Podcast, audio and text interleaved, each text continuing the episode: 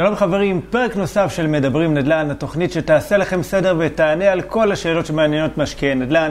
אני קובי זהבי והיום אני מארח את בלה ברדה ברקת, משקיעת נדל"ן אה, מאזור הצפון, מחיפה, אה, עם הרבה הרבה שנים של ניסיון, אה, ראש מאוד מאוד יצירתי. תודה. אה, יש לי הרגשה שהולך להיות לנו פרק מאוד מעניין, אבל אני אעביר את המיקרופון לבלה.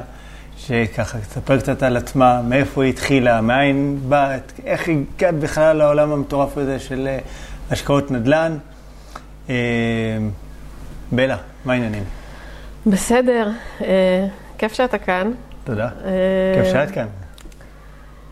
אני גרה כאן. תכלס.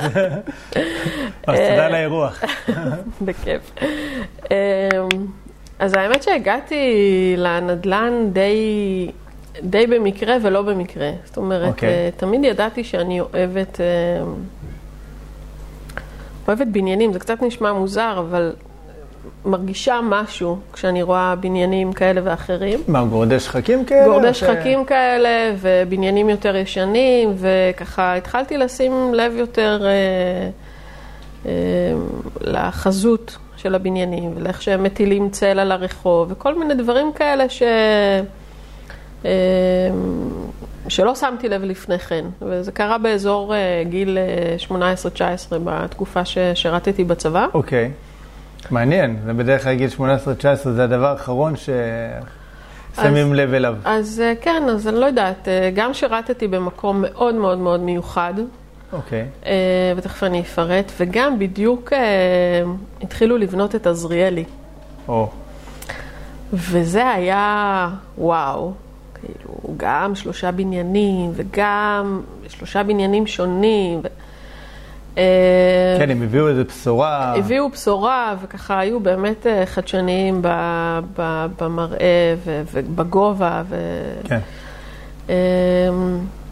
ואני שירתתי בפרקליטות הצבאית אה, ביפו, בבניין אה, מדהים ביופיו, אה, מאוד מאוד ישן, עם תקרות בגובה של שש וחצי, שבע מטר. וואו. עם ריצוף מצויר, וקשתות וחלונות מעץ, מתפורר אבל מעץ. וזה היה וואו, זה היה כל פעם כשהיינו, אה, כשהייתי נכנסת, כן. עם כל השביזות אה, של צבא, זה, זה בניין שהוא וואו. ומדי פעם אה, היו שולחים אותנו לעשות תורנות אצל הפרקליט הצבאי הראשי, שישב במבנים המקסימים בשרונה. שם זו הייתה המפקדה. וזה היה קסם, כאילו, זה, זה כמובן לא נראה כמו שרונה של היום, זה היה שרונה כן. של פעם, אבל המבנים היפים, הטמפלרים הם, הם, נכון. הם, הם אותם הם, מבנים. הם אותם מבנים, רק שיפצו אותם האלה. קצת וחידשו אותם. כן. אמ, וזה היה פשוט אה, קסם, כאילו, להרגיש את המבנים האלה. כן. אבל לא ייחסתי לזה איזושהי חשיבות, ולא חשבתי ש, ש, שאני באמת אעשה משהו בכיוון הזה. אמ, לא גדלתי בתחושה שיש לי כישרון לא לציור ולא לאדריכלות ולא למשהו כן, כזה. כן, ולא לעיצוב וכאלה. ולא לעיצוב וכאלה. אמ, ואני מכיר את העבודה שלך קצת. כן. אז אוקיי, את מביאה לשם הרבה מכל העולמות. אז זהו, ש, ש, שכל החיים גדלתי בידיעה שאין לי כישרון אה, ל, ל, לאומנות, אוקיי? כ, ככלל, אבל ידעתי שאני מאוד מאוד אוהבת. אה, בית רוסי וזה, אפילו לפסנתר לא שלחו אותי ללמוד, כי, כי לא היה לי את זה פשוט, כאילו, אני לא יודעת. אה, אבל מאוד אהבתי לשמוע מוזיקה קלאסית, וקראתי כאלה, הייתי חנונית כזה, בקיצור, כן. נו. אה, ו... והלכתי ללמוד משפטים, ועשיתי סטאז', והמשכתי לתואר שני, ו... וגם את זה מאוד מאוד אהבתי. את ה... יותר את הפילוסופיה של המשפט. ו... כן. ומה עשית? ול... סטאז' במקרקעין או ש... עשיתי סטאז' אה, גם בתחום מאוד מאוד יצירתי, בתחום של קניין רוחני. וואו. תחום של אה, פטנטים, זכויות יוצרים. אחד כן. הלקוחות הגדולים ביותר אה, שאני טיפלתי בהם זה היה חברת נייקי. שמעתי עליה. סימני מסחר, כן, כן. חברה קטנה. אמ, והמשכתי לתואר שני במשפטים וכלכלה, והתקבלתי לתוכנית אה, יוקרתית של מטעם האיחוד האירופי, שבעצם אה, אוניברסיטת חיפה היא האוניברסיטה הלא אירופאית היחידה ש, שנמצאת בתוך התוכנית, תוכנית שנקראת ארסמוס מונדוס, אה, שבעצם התוכנית הזאת מכריחים אותך לעשות טיול באירופה. זאת אומרת, סמסטר אחד במקום אחד, סמסטר שני במקום אחר, סמסטר שלישי במקום כן. אחר אה, נוסף. נשמע לי עונש מאוד מפנק. עונש אה, זה. אז הייתי בהולנד, איטליה וצרפת, יפה. ושם כבר אה, משהו קרה. כאילו, אוקיי. המבנים העתיקים והשוני בין הערים, וככה התחלתי לחקור יותר אה, למה רחוב כזה נראה כמו שהוא ולמה רחוב אחר. ובעיקר הרגשתי אחרת. ברחוב מסוים את הרגשתי... יכולה לתת איזה דוגמה? כאילו, אני- למה שם רחוב אחד באמת נראה ככה, ואוקיי, אז- רחוב אחר נראה קצת שונה? אז אני אתן אה, דוגמה מאחת המדינות שאני אה, הכי אוהבת, שזה הולנד. אוקיי. אה, והולנד מאופיינת בבנייה מאוד מאוד נמוכה. האוניברסיטה שאני למדתי בה היא אוניברסיטה שנקראת רסמוס, והיא נמצאת ברוטרדם. ורוטרדם זאת עיר נמל, האמת שדי אה, די מזכירה את אה, חיפה בקונספט שלה. והיא הופצצה במלחמת העולם השנייה, ככה שיחסית ל- לעיר כמו אה, אמסטרדם או דלפט או אוטריכט, הבניינים הם בניינים חדשים, כי הכל הופצץ, היו צריכים לבנות מחדש, והבניינים הם בניינים רגילים, פחות או יותר, כמו כן. שאנחנו מכירים אה, נניח בתל אביב או, או בניו יורק, אז הבנייה היא בנייה לגמרי חדשה, לעומת אמסטרדם. שיש אה, סמטאות ויש תעלות של מים, אה, ורוטרדם אומנם היא, היא יושבת על הנמל, אבל בתוך הרחובות של רוטרדם אין תעלות כמו, כמו באמסטרדם. גוף האדם, לא צריכה להסביר לך, מורכב ברובו מ- ממים. ממים, ו- 80 ואנחנו- אחוז. ואנחנו מגיבים מאוד מאוד טוב למים. אה, אז כן. ככה זה משרה אווירה מאוד מאוד אה, רגועה. אה, תמיד כשאני מספרת את האנקדוטה הזאת, אז אנשים אומרים לי, לא, הרגשת יותר טוב באמסטרדם בגלל הסמים, אבל, אבל זה לא המקרה. קור יומי בקופי שופ. האמת שלא ביקרתי מעולם, אבל בטח אף אחד לא יאמין האמת לי. היא שגם אני לא הייתי, שתי חננות בפוסקאסט לג- אחד. לגמרי, לגמרי. אז, אז באמת יש שוני מאוד אה, בולט בין אמסטרדם למשל לרוטרדם. אמ, וכל אחת מדהימה אמ, ב- בכיוון כן. אחר, אבל באמת מרגישים אחרת. מרגישים אחרת כי כשאתה מתהלך ברחוב שהגובה הוא שלוש קומות, אתה רואה שמיים. אם אתה מתהלך אה, למשל ב- בניו יורק, ויש גורדי שחקים ואתה לא רואה שמיים, זה משפיע עליך נכון. אה, לרוב לרעה. מה גם שהחשיפה לשמש היא פחותה. אה, יש מחקרים שלמים של מה זה עושה כשאנשים לא נחשפים לשמש. זה- אה, זה- זה ידוע שבמקומות שאין אה, שמש, זה מוביל אפילו לדיכאון. לדיכאון, להתאבדויות. נכון. נכון. נסעתי ל... לתת הרצאה ב... בשוודיה, ושם באמת אה, הם מתמודדים עם אה, בעיות קשות של, אה, של, של דיכאון ו... כן. והתאבדויות, וזה קשור לחשיפה לשמש. אה, למרות שהבנייה שם היא, היא נמוכה, אז הם נפגעים מהנושא הזה של השמש מכיוון אחר. ובקיצור, התחלתי להתעניין בדברים שהם הם, הם, הם לא קשורים, ל, כן. לא היו קשורים בכלל לתחום לימודים שני. המשפטי וכל מה שלמד. לא היו קשורים בכלל, לא לצד המשפטי ולא לכלום. התחלתי לקרוא על אדריכלים ועל אדריכלות, ו... אה, את יודעת, אם אני הייתי אמור להמר עכשיו ולא הייתי מכיר אותך ואת הסיפור, הייתי אומר, טוב, מכאן הפכת להיות איזו אומנית, איזו אדריכלית אה, גדולה, כן. אוקיי? אז אה, שאלה מעניינת, למה לא, לא המשכתי ללמוד אה, אדריכלות, ואולי יש לזה, יש לזה הסבר.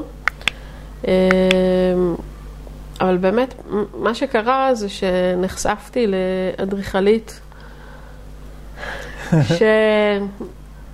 שבאמת, אני מתרגשת רק מ- מלהיזכר בה ומלהיזכר ביצירות שלה, אה, והיא זכתה ב-2004.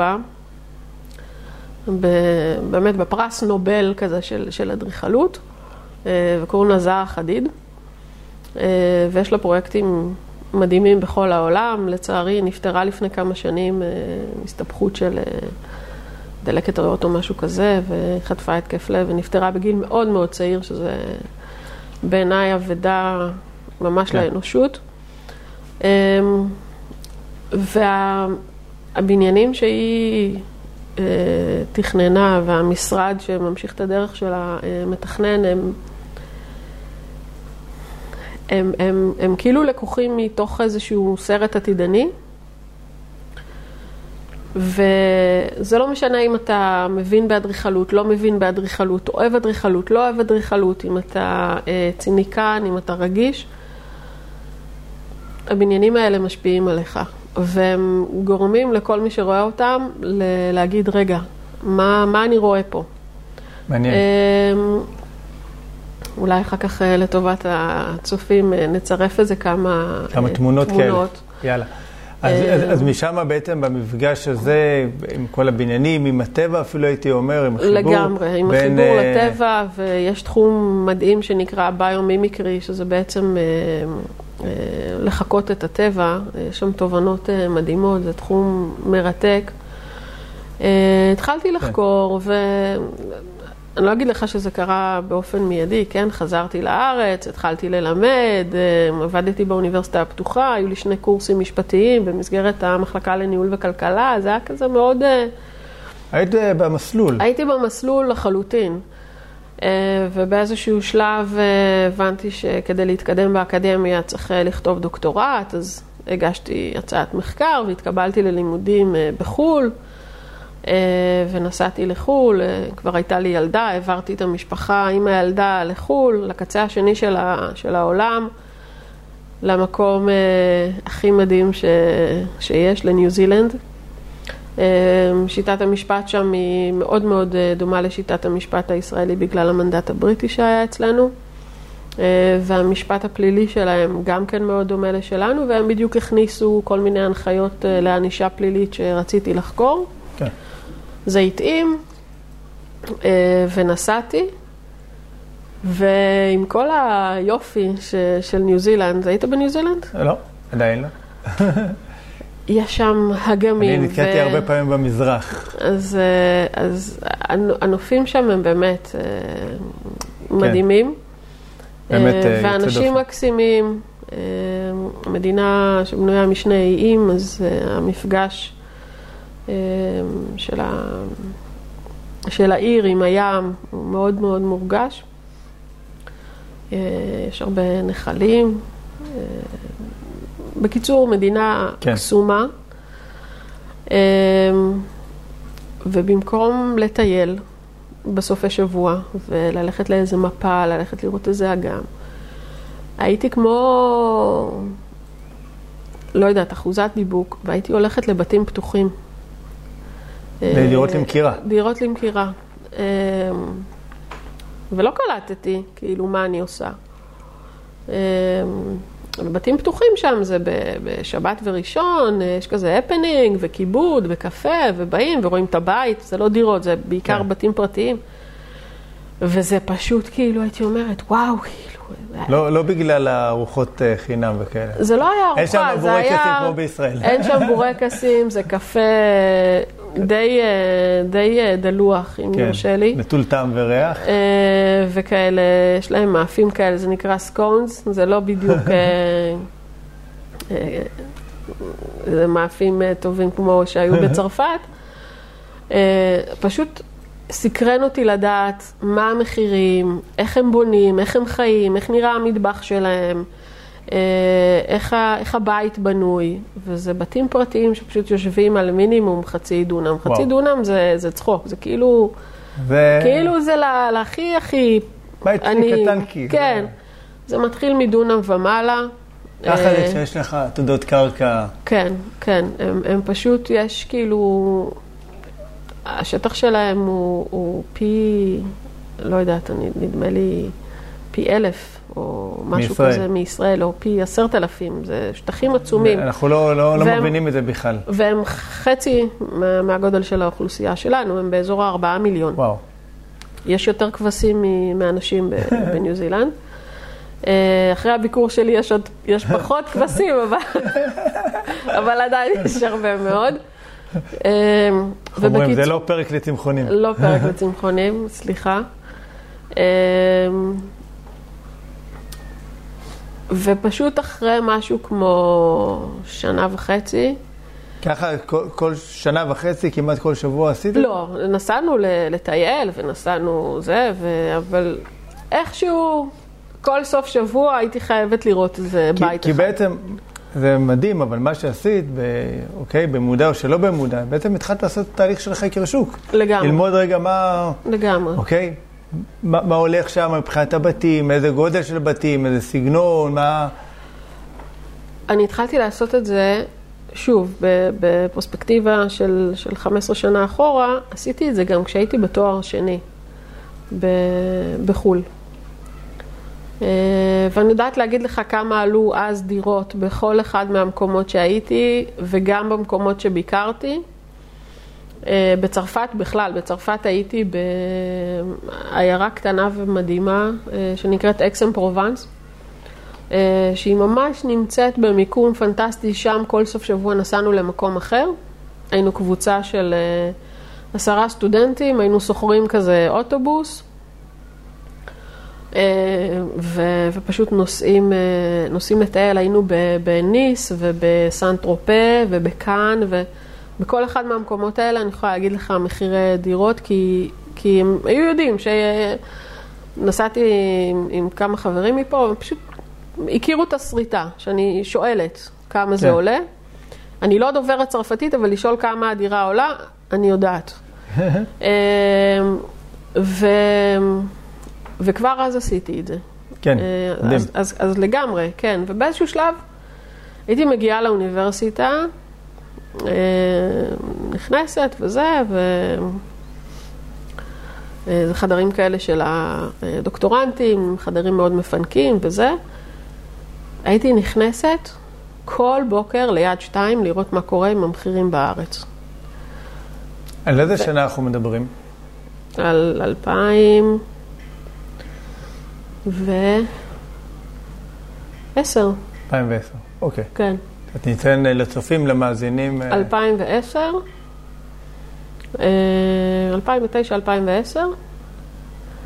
אה, מה קורה עם המחירים פה, מה קורה עם המחירים שם, אה, גם בעיר שגרתי בה וגם באוקלנד, בעיר היותר אה, גדולה. אה, והייתי מבזבזת על זה כל יום איזה שעתיים, שלוש. אה, עד שנפל האסימון, כאילו... אה, אני אגיד לך איפה נפל לי האסימון. כן. נסעתי, אה, אחרי שהצגתי את, ה, את ההצעה לדוקטורט, אה, שמעו אותי שני חוקרים אה, שוודים, בכנס בכלל שהיה באוסטרליה, והזמינו אותי על חשבונם לשוודיה, לתת הרצאה על המחקר שלי. אה, ונסעתי לשוודיה, אבל אה, לעיר שיותר קרובה לדנמרק, לא משנה, לא אלאה אותך, הייתי צריכה לנסוע בעצם לדנמרק, לקחת אה, אה, רכבת, אז נחתתי בקופנהייגן. וזאת עיר, אין לי מילים, אין לי מילים, היא, היא, היא פשוט מדהימה ומפעימה ומעוררת השראה. מאוד אה, מזכירה את אה, אמסטרדם, אבל אה, עם קטע. אה, גם שם, דרך אגב, יש אה, אדריכל אה, מדהים שאני מטורפת עליו, אני מי מציעה... זה? איך קוראים לו? אה, Bjarke Ingels, המשרד אוקיי. שלו נקרא BIG, בראשי תיבות. אה, Bjarke Ingels אה, Group, זה הראשי תיבות. אה, והוא עושה דברים מדהימים, מדהימים, מדהימים. אה, ושם, אז הייתי בכנס, נתתי את ההרצאה, והייתה ארוחת ערב כזאת חגיגית של כל המשתתפים של הכנס, וכל הזמן הסתכלתי על השעון לראות מתי, מתי זה נגמר, מתי אני יכולה להשתחרר, כי לא נעים לבוא וכאילו לא לדבר עם אנשים וזה, מתי זה, מתי זה מסתיים, ושאני אוכל לעשות סיבוב שם בתעלות ולראות מחירים של דירות. השמש שוקעת שם מאוד מאוד מאוחר בקיץ, אז לא, לא הייתה לי בעיה של, של אור. ופשוט אני זוכרת, יצאתי משם בשמונה וחצי, ופשוט חיפשתי, לא יודעת מה, כמו, כמו, לא יודעת איך להסביר לך, זה היה פשוט צורך כזה, של, של, של לראות מה יש, מה יש לשוק הזה להציע. כן. ואז נפל לי האסימון, ש... כן. ששם התשוקה שלי. למה? לנדל"ן, לדירות? לדירות, בניינים? כן, כן, לדירות, לבניינים. משרדים זה, זה, זה נישה שהיא מעניינת ו, והיא טובה, אבל משרדים צריך לעצב עבור חברה מסוימת, בהתאם לצרכים של אותה חברה. כן. דירה זה משהו שהוא יותר, יותר אוניברסלי כזה. הצרכים פחות או יותר אותם, אותם צרכים, למרות שיש הבדלים תרבותיים כאלה ואחרים. ולכן דירה בשוודיה נראית קצת שונה מדירה ב- בישראל. נכון. אבל בגדול הצרכים הם אותם, הם אותם כן. צרכים. וזהו, ועם התובנה הזאת... עם התובנה הזאת חזרתי, חזרתי הביתה לניו זילנד, והבנו שכאילו אין טעם למשוך את זה. זאת אומרת, הייתי משהו כמו שנתיים לתוך התהליך, ו... והיה לי עוד המון המון כתיבה. והייתה התלבטות אם אני ממשיכה עם זה עכשיו, עוד שלוש-ארבע שנים, לסיים את הדוקטורט, או, ש... או שזהו, או, ש... או שאנחנו חוזרים. והחלטנו לחזור, כי, כי הבנתי שזה לא... החלטה לא, אמיצה, זה... אתה יודע, זה כאילו לא פשוט... זה עוד יותר... נקרא לזה להרים ידיים, אולי לוותר על זהו. משהו, בשביל אהבה, אתה יודעת, שאת לא יודעת כל כך מהי. גם אני לא יודעת מהי, גם אין לי מושג קלוש במה זה אומר בפועל. וגם בתכלס, אין לי, אין לי כסף לעשות שום דבר. כן. מהדברים האלה.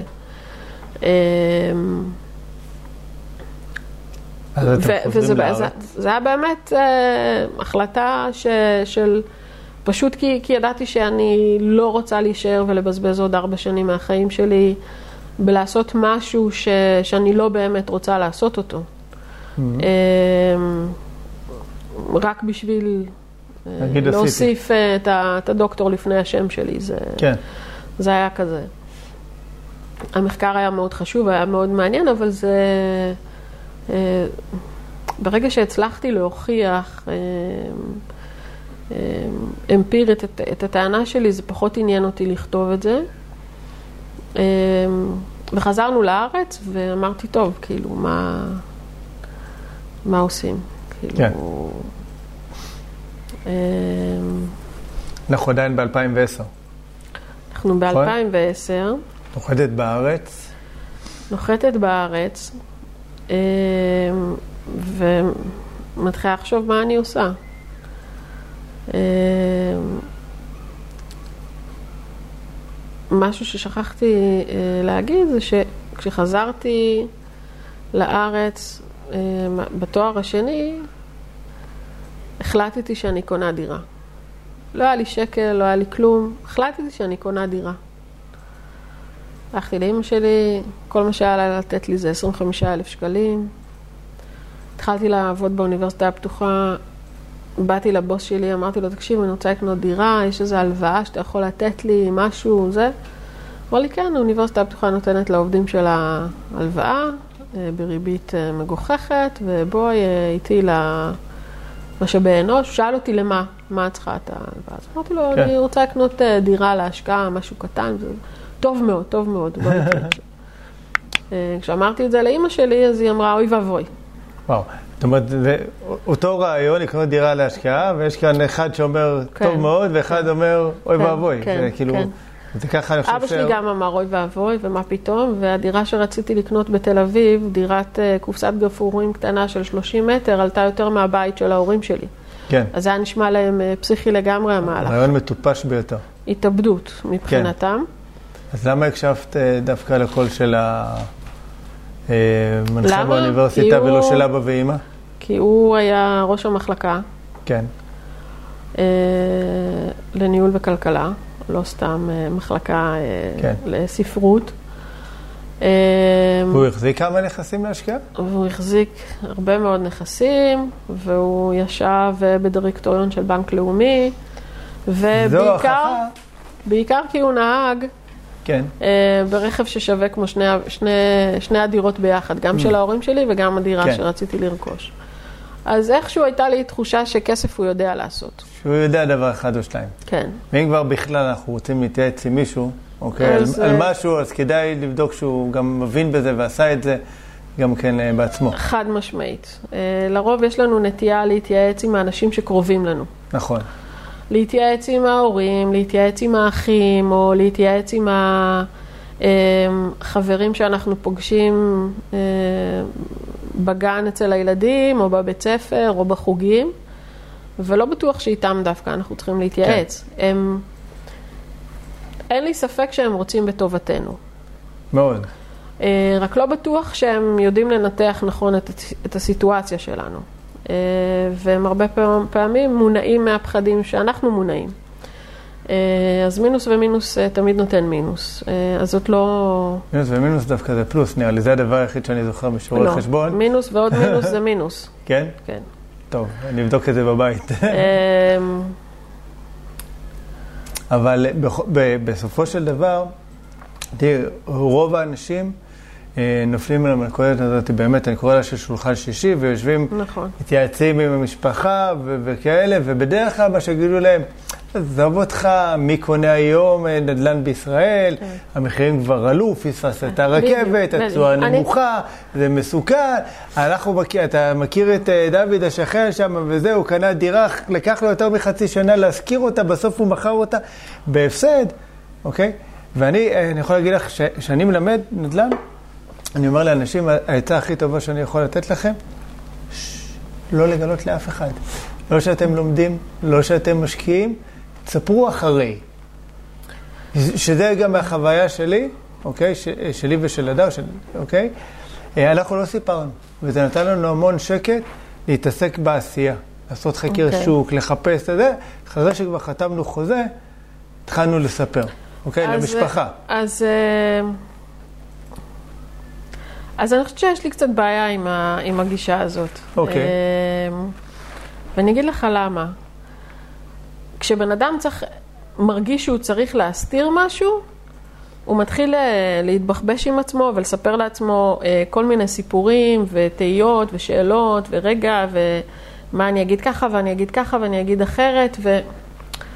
זאת לא סיטואציה אתה- בריאה. אתה פשוט לא מדבר על זה. מצד, בדיוק, מצד שני, איפה היית? הלכתי לראות דירה. מה? אני שוקל לקנות, זהו, אין צורך להרחיב. לא על כל שאלה ששואלים אנחנו צריכים להשיב, אבל... כן. טוב, אנחנו היינו כבר גדולים, גרנו לבד, את יודעת. כן. התחתנו, ילדות וכל זה, אז לא כן. בדיוק היה למי לדפוק חשבון. כן. איפה אנחנו, לאן אנחנו הולכים, מאיפה אנחנו באים. אז פשוט לא סיפרנו, אבל את יודעת, הרבה פעמים בארוחות שישי, או בכל נכון. מיני מפגשים עם חברים, היינו שומעים אותם, את יודעת, מדברים לפעמים באמת דברים שהם שטויות, אפשר להגיד. זה גם או, שטויות. או כל מיני צעדים כלכליים שאתה פתאום, כשאתה מתחיל אה, לפתח את התודעה של המשקיע, משהו מאוד משתנה שם. לגמרי. בה- בהסתכלות שלך, המר, המרדף על לקנות בית גדול יותר ויותר גדול ויותר גדול, כבר הופך להיות קצת פחות חשוב. אתה, אתה לומד יותר להתנהל כלכלית נכון ולמנף את הכסף שלך להשקעות חכמות. לגמרי. ו- ובעניין הזה של, אה, של, של להתייעץ, אה, אם, אם, אם אנחנו הולכים ומספרים למישהו שאנחנו רוצים לקנות נכס להשקעה, אה, והוא בעצמו, אין לו אפילו דירה למגורים, אז אין מה להתייעץ איתו. נכון. אז אני לא הולך להתייעץ, אני לא הולך לשאול מישהו שיש לו אה, אה, אופניים, אה, מה דעתו על אה, רכב שאני הולכת לקנות. נכון. כי, כי הוא לא יודע להגיד לי איך חוויית הנהיגה, כמה צריכה של הדלק, אה, כדאי, לא כדאי, ירידת ערך, לא ירידת ערך. אז, אז אם אנחנו כבר מתייעצים עם מישהו, מישהו שכבר עשה את מה שאנחנו רוצים אה, לעשות. לחלוטין. אה, זה דבר אחד. ודבר שני, באמת, אה, אה, משפחה ובעיקר הורים, אה, לא כולם אגב, יש הורים ש, ש, שעושים מהלכים, אנשי עסקים, אם תתייעץ עם אה, משפחה שהם בעצמם אה, משקיעים וכולי, יכול להיות שתקבל באמת אה, עצות טובות, למרות בסדר, אבל הם עשו. שיש את הבעיה של, פט- של פטרנליזם, איזה צורך כזה של להגן, כן. ש, שחלילה לא, לא ניפגע. אז באמת, הורים זה, זה פחות כדאי להתייעץ, למרות שעם ההורים שלי לא היה לי...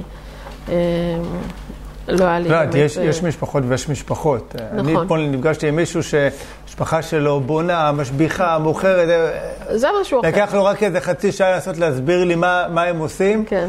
בסדר? אני לא מגיע ממשפחה כזאת. בדיוק. אז אה, אני, אני מגיעה ממשפחה שההורים שלי קיבלו דירה אה, מעמידר כשהם עלו לארץ. כשאימא שלי עלתה לארץ, אחרי כמה שנים גם, בעקבות מסע שכנועים של אבא שלי, החליטה לקנות את הדירה מעמידר, זה לקח כמה שנים טובות. אה, וזאת הדירה היחידה שהם קנו.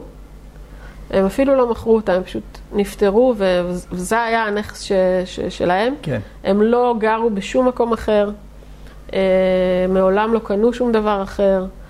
אה, אז, אז לבוא ולהגיד להם שאני רוצה לקנות דירה בתל אביב של 30 מטר, שהיא יותר יקרה מהדירה שיש להם, שהיא דירת שלושה חדרים איפה? באיזה עיר? בנתניה, בנתניה. זה, זה כמו להגיד להם, כן, החלטתי לשים. החלטתי לשים את הכסף בקזינו, פחות או כן. יותר. ואבא שלי, משכנתה, הם לוקחים ריבית דריבית. אני זוכרת את המשפט הזה שהוא אמר, לוקחים ריבית דריבית, ואני כזה, מה? כן, ו- פעם היה אישו מאוד גדול עם משכנתות. נכון, עד היום, נכון, לפעמים אני נכון. פוגש כאלה, משקיעים שמגיעים. לא, לא, אני, אני במזומן, אבל, אבל למה? כן, כן. לפעמים, דרך אגב, הם אפילו בנקאים. כאילו, עובדים בבנק, מבינים, אמיתי. ברור, למה? אוקיי. כי הם רואים את כל המקרים הקיצוניים, כאלה שפושטים רגל, כאלה שלא מצליחים לעמוד בתשלומים. כן. אז הם מפחדים להיות במצב הזה, אז הם פשוט לא עושים כלום. נכון. ומבחינתנו, לא יודע, אוקיי, מינוף, אוקיי, זה הלוואה, א' ב'. זה, זה הבסיס ל- להכל. לגמרי, לגמרי. זו המתנה הכי טובה שאפשר. תראה, אני חושבת שאני אני לא בטוחה, איזושהי השערה שיש לי אה, של אה, טעות בכלל אה, אה, דקדוקית שאנחנו עושים. למה הכוונה? אנחנו אומרים, אנחנו הולכים לקחת מהבנק משכנתה. אז כאילו אנחנו באיזשהו, אה, אה, באיזשהו מובן תלויים בבנק. בבנק, נכון? כי, כן. כי אנחנו צריכים לבקש משכנתה מהבנק, או שהם יסכימו או שהם לא יסכימו, נכון. וזה נכון, באמת הבנק יכול להסכים או לא להסכים, אבל אנחנו בעצם נותנים משכנתה, אנחנו לא נותנים משכנתה, אנחנו נותנים לבנק את האפשרות למשכן את הנכס שלנו. הנכס הוא קודם כל שלי, אחר כך אני נותנת לבנק משכנתה, ואני חושבת שמי שמצליח להבין את, ה, את, ה, את הטוויסט הזה, כן. משהו משתנה אצלו, כי השפה מגדירה בסופו של דבר את, איך- את השקפת העולם שלנו. אני חושב שבכלל, הבנק מאוד אה, אוהב אותנו, המשקיעים, במיוחד אם אתה יודע מה, מה, מה אתה. עושה, כי בסופו של דבר זו הדרך שלו להתפרנס, הוא מוכר כסף, זה נכון, המוצר שלו. נכון. למרות, ש- ש... למרות, ש... למרות שמשכנתאות זה, המוצר הכי פחות אה, רווחי של הבנק, כי הריבית היא אפסית, ולכן נכון. לנו, כמשקיעים, זה המוצר שאנחנו הכי הרבה רוצים לצרוך מהבנק. אם תלך עכשיו לקחת הלוואה מהבנק, יגידו לך, אוקיי, אה, פריים פלוס אה, שלוש, ארבע, משהו כזה. גם הרבה יותר. גם הרבה יותר, אם זה עמלת אה, חריגה. אה, מישהי מהבנק, אוקיי? לא, אני התקשרתי, סליחה, הייתי צריך אה, שישלחו לי איזה אה, טופס או משהו, ואז היא אומרת, אני יכולה להציע לך הלוואה אטרקטיבית? הסקרות, אמרתי, יאללה. אמרתי לה, כן, מה, מה, מה יש לך להציע לי? לא זוכר כמה, אני חושב שזה היה 75 אלף שקל או משהו, אז אמרתי לה, אוקיי, באיזה ריבית? אני חושב שזה היה בפריים פלוס 8. אוקיי. ואמרתי לה, זה אטרקטיבי? מה זה ההלוואה לא אטרקטיבית שלכם? כן. והיא התחילה כזה, את יודעת, שמעתי את החצי צחוק שלה, אמרתי לה, טוב, נראה לי כבר הלוואה מדעש או מהשוק האפור כבר יותר אטרקטיבית, תודה רבה. כן. ואוקיי, כמובן שלא לקחתי, אבל אני מכיר כאלה שתקשיבי, הם אשכרה לוקחים את ההלוואות האלה. שזה בסוף מסתכם לפעמים באיזה 11% ריבית, וזה מכניס אותם לפעמים לבור עוד יותר עמוק ממה שהם היו. זה פשוט כי לאף אחד אין אינטרס ללמד אותנו כן. אה, התנהלות פיננסית בסיסית. כן. אה, מלמדים אותנו לאכול אה, בריא. כי גם למ- לא כל כך. גם לא כל כך, אבל עכשיו נגיד קצת יותר. זה נהיה טרנדי פשוט. לדבר זה- על זה גם בטלוויזיה. זה, זה גם נהיה טרנדי וזה גם בסופו של דבר המדינה מבינה שככל שהיא תשקיע יותר ב, אה, בהסברה בתחום הזה, בסופו של דבר יהיו אנשים פחות פחות תחלואה. חולים, והיא ככה המדינה יכולה לחסוך כסף. נכון. אבל אה, אה, אומרים לנו שעישון זה מסוכן, אה, כי לא רוצים בדיוק אה, את, הנושא הזה, מלמדים אותנו לצחצח שיניים וכולי וכולי וכולי. אבל התנהלות פיננסית- פיננסית, לאף אחד אין אינטרס, כי ככל שאנחנו לא, אה, ככל שאנחנו נדע פחות, הבנק יכול להרוויח יותר. נכון, אנחנו נצרוך יותר, כביכול. נכון, נכון. נצרוך יותר ונצרוך לא ביעילות. כן, זה- נצרוך לא חכם. כן. אוקיי, אז רגע, אז שנייה, שאני אחזיר אותך רגע לסיפור. בסדר? כן. לקחת, אמרת לאבא ואימא, משהו 25 אז אלף ההורים שקל. שלי, ההורים שלי אוקיי? נתנו לי 25 אלף שקלים מהאוניברסיטה הפתוחה, אה, בזכות ראש המחלקה הנחמד והמפרגן, אה, קיבלתי הלוואה של 25 אלף שקלים, ויצאתי לדרך עם 50 אלף שקלים, ואמרתי, אוקיי, מה אני עושה? אני כן, לא יודעת מה אפשר לקנות בסכום הזה. והלכתי לבנק ואמרתי לה, תקשיבי, מה המינימום שאני צריכה להביא מהבית, אוקיי? כדי שאני אוכל לקנות דירה. היא אמרה לי, את צריכה חמישה אחוזים. זה היה ב-2007 נדמה לי. אז עוד היה אפשר באמת לקחת משכנתה עם כן. הון עצמי של חמישה אחוזים בלבד, כשאת החמישה הנותרים היה ביטוח EMI. היה ביטוח EMI. וקניתי... למרות שזה עוד בכלל לפני הטיול שלך שם בעולם, אמסטרדם וניו לפני ה- זילנד. לפני התואר השני. כן, אה, ואני פשוט כאילו... אה, לפני הדוקטורט, אני פשוט אמרתי, אוקיי, אני הולכת ועושה את הדבר הזה. אה, למה? כי חברים קנו דירה ו- ואני הבנתי שזו החלטה אה, שתהיה נכונה. אה, אתה יודע, ו- 5 ופשוט אחוז, החלטתי. 5 אחוז הון עצמי להביא לעסקה, או אפילו 10 זה אחוז. כלום. זה, זה מטורף, זאת אומרת, נכון. היום שאנחנו נאבקים על כל מיני דרכים יצירתיות להגדיל את האחוזי מימון, אתה, בשביל להגיע לפעמים ל-70 אתה, צריך להתאמץ. בסדר, אתה כן. צריך להתאמץ. נכון. ו... וזהו, וככה ככה התחלתי.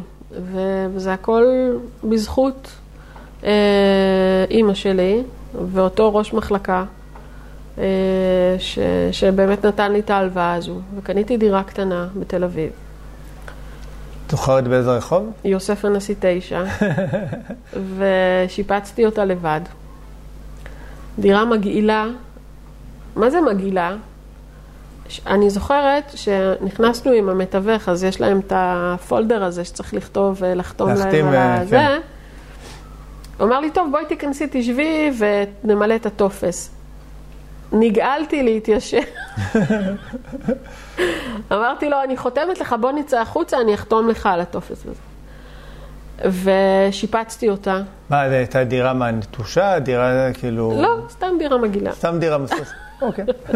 אחלה. אמ, סתם דירה מגעילה פשוט, באמת, כאילו, גר שם בחור אה, צעיר, אמ, התלבט אם הוא נשאר או לא נשאר, רווק. בסוף הוא אמר לי, תקשיבי, אני נוסע לאיזו תקופה, להודו, מה אני אעשה? אמרתי לו, טוב מאוד, אתה נוסע? סבבה, תחזור, אני משפצת פה את הדירה, אה, יהיה בסדר. באמת שיפצתי את הדירה, עשיתי, באמת, עשיתי הכל לבד, הבאתי את האינסטלטור לבד, וכדי לחסוך את ה-200 שקל של ההובלה, לבד אה, הרמתי את האסלה, וזה היה כבד, זה היה קומה שנייה. אה, מה שיכולתי לחסוך, אה, חסכתי, וככה עשיתי לבד. ו... וכשהוא חזר, הוא פשוט לא, לא האמין. אני חושבת שיש קשר, ואחרי okay. אוקיי. כמה חודשים הוא פש... פתאום אה, אמר לי שהוא אה, בזוגיות עם מישהי, ושהם אה, רוצים לעבור לדירה יותר קשר גדולה. קטן. וכל כך שמחתי עבורו. ואז באמת, אחרי כמה שנים מכרתי את הדירה הזו, ברווח שאז היה נשמע לי כמו סכום שהוא כאילו טירוף היסטרי. וקניתי דירה אחרת, עוד יותר ג'יפה. יש לך קטע עם איזה דירות ג'יפות. אני מתה על דירות נכון? ג'יפה, כן. יש לי קטע עם... אה, אנחנו נדל"ניסטים, אתה יודע, קצת מוזרים. מוזרים. אנחנו- ככל שהדירה גמורה יותר, אנחנו אוהבים אותה יותר. תקשיב, אני תכף אספר לך משהו, זה, זה הזוי. בקיצור, עשיתי כמה פעמים כאלה, זה לא קרה תוך חודשיים, כן? מדברת איתך על טווח של כמה שנים. אה, ואז הייתה דירה אחת ש... שהיא הייתה מושכרת וכולי. נסעתי לחו"ל, חזרתי, ועכשיו מה אני עושה? אוקיי, אני רוצה לעשות נדל"ן, מה אני עושה? מכרתי את הדירה הזו, אחותי התגרשה, נשאר לה סכום של כסף.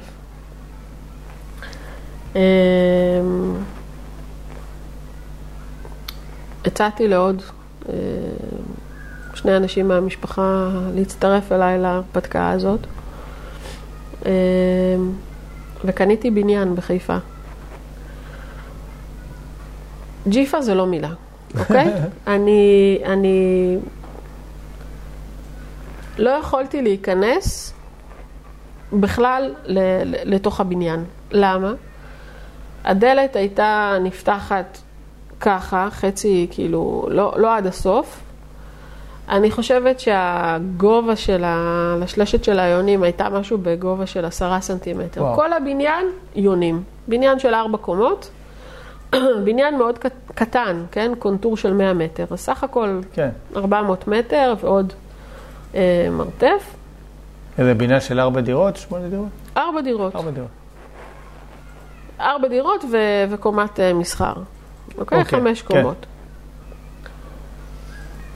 ג'יפה של החיים, באמת, כאילו...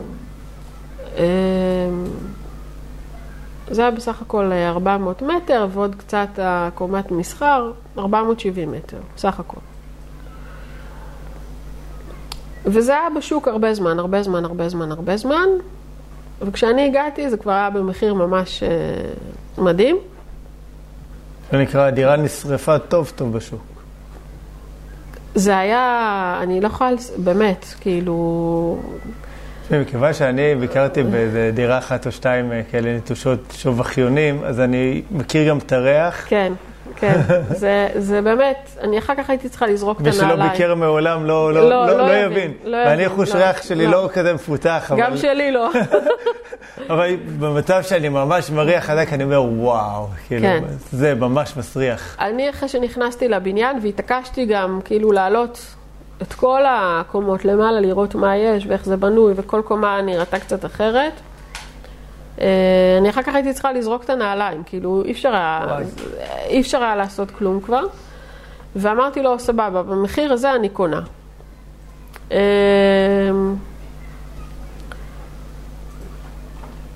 ואז היה צריך להביא שמאי לנכס, כי התכוונתי לקחת אה, משכנתה. כן, השמאי לא הסכים להיכנס לבניין. וואי. אמר לי, אני לא, אני לא נכנס. אמרתי לו, אז, אז מה? אומר לי, תביא לפה צוות אה, ניקוי, תנקי את הבניין, ואז אני אכנס. אני לא מוכן מה זה להיכנס השמאי ככה. המפונק הזה? אמרתי, טוב, אה, מה אני עושה? הלכתי, שכרתי צוות אה, ניקיון. זה לקח איזה יומיים, עד שהם פינו משם את כל הג'אנק ואת כל ה... זה. ואז הוא הגיע. ואז פתאום אמרתי, וואי, עשיתי עסקה טובה, זה היה נראה פתאום... פתאום, כן. פתאום אחרת. וזהו, ו, ופה כבר היה לי vision מאוד ברור למה אני רוצה לעשות. והלכתי לאדריכל ועשינו תוכניות והפכתי את הבניין הזה למעונות סטודנטים, דירות כאלה קטנות. משהו מאוד דומה לדירות שגרתי בהן באיטליה בתואר שני, שלמטה במרתף יש להם מכונת כביסה ומייבש, והם ככה יכולים לכבש שם את הדברים. למעלה יש גג, פעם הייתה מישהי ש... שעשתה שיעורי יוגה, וככה בניין כזה של חבר'ה צעירים, דירות קטנות, מאובזרות לגמרי, כל דירה נראית קצת אחרת. בעצם כל מה שהם צריכים, יש להם כבר בדירה. מקרר קטן, מיקרו, טוסטר אובן, חלל כזה משותף, יש הרבה אנשים היום שנוסעים עם אופניים חשמליים, צריך כן. את הבטריות ואת כל הזה, וזהו. זה, זה ככה היה... זה כבר העסקה השנייה. קפיצת, כן. קפיצת מדרגה. שזה חתיכת קפיצה, את יודעת, מדירה קטנה בתל אביב, פתאום לקנות כבר בניין.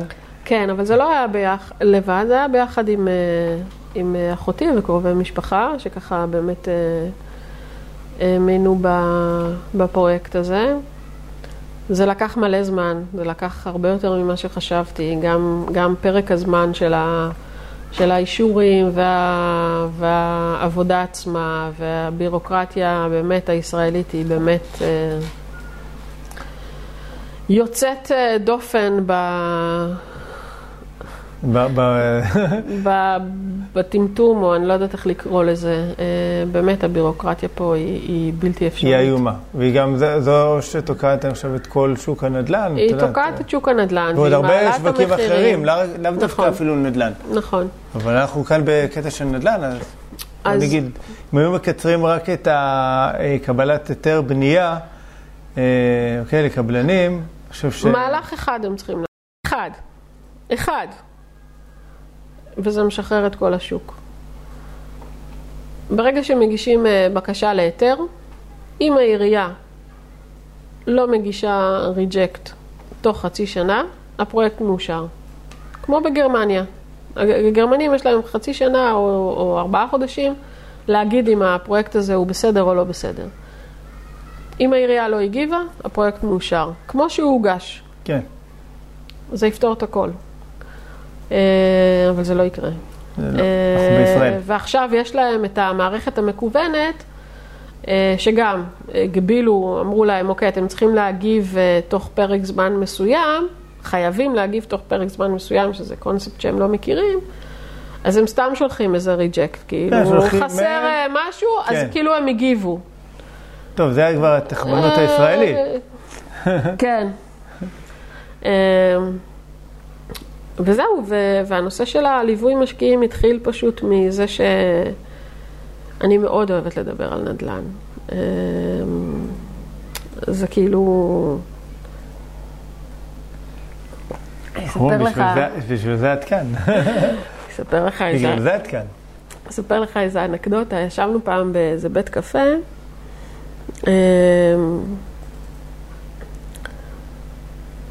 וכבר, כאילו, בת זוג שלי כבר נמאס לה שאני כל הזמן מדברת על נדל"ן, נדל"ן, נדל"ן, נדל"ן, נדל"ן. ו... והיא לא הייתה בשולחן, ודיברנו, ו... וכשהיא התקרבה היא שמעה משהו ש... שמזכיר תשואה. ואז היא התיישבה ואמרה, עוד פעם תשואה, נמאס לי, יום שישי אחד, אני רוצה שקט, לא רוצה לשמוע, לא תשואה, לא נדל"ן, לא מחירים, לא דירות, לא זה. ואז אמרתי, לא אמרתי תשואה. לא, אני שמעתי, תשואה, וזה אמרתי, לא תשואה, אמרתי נשואה, נשואה, הוא התחיל עם מישהי שהיא נשואה.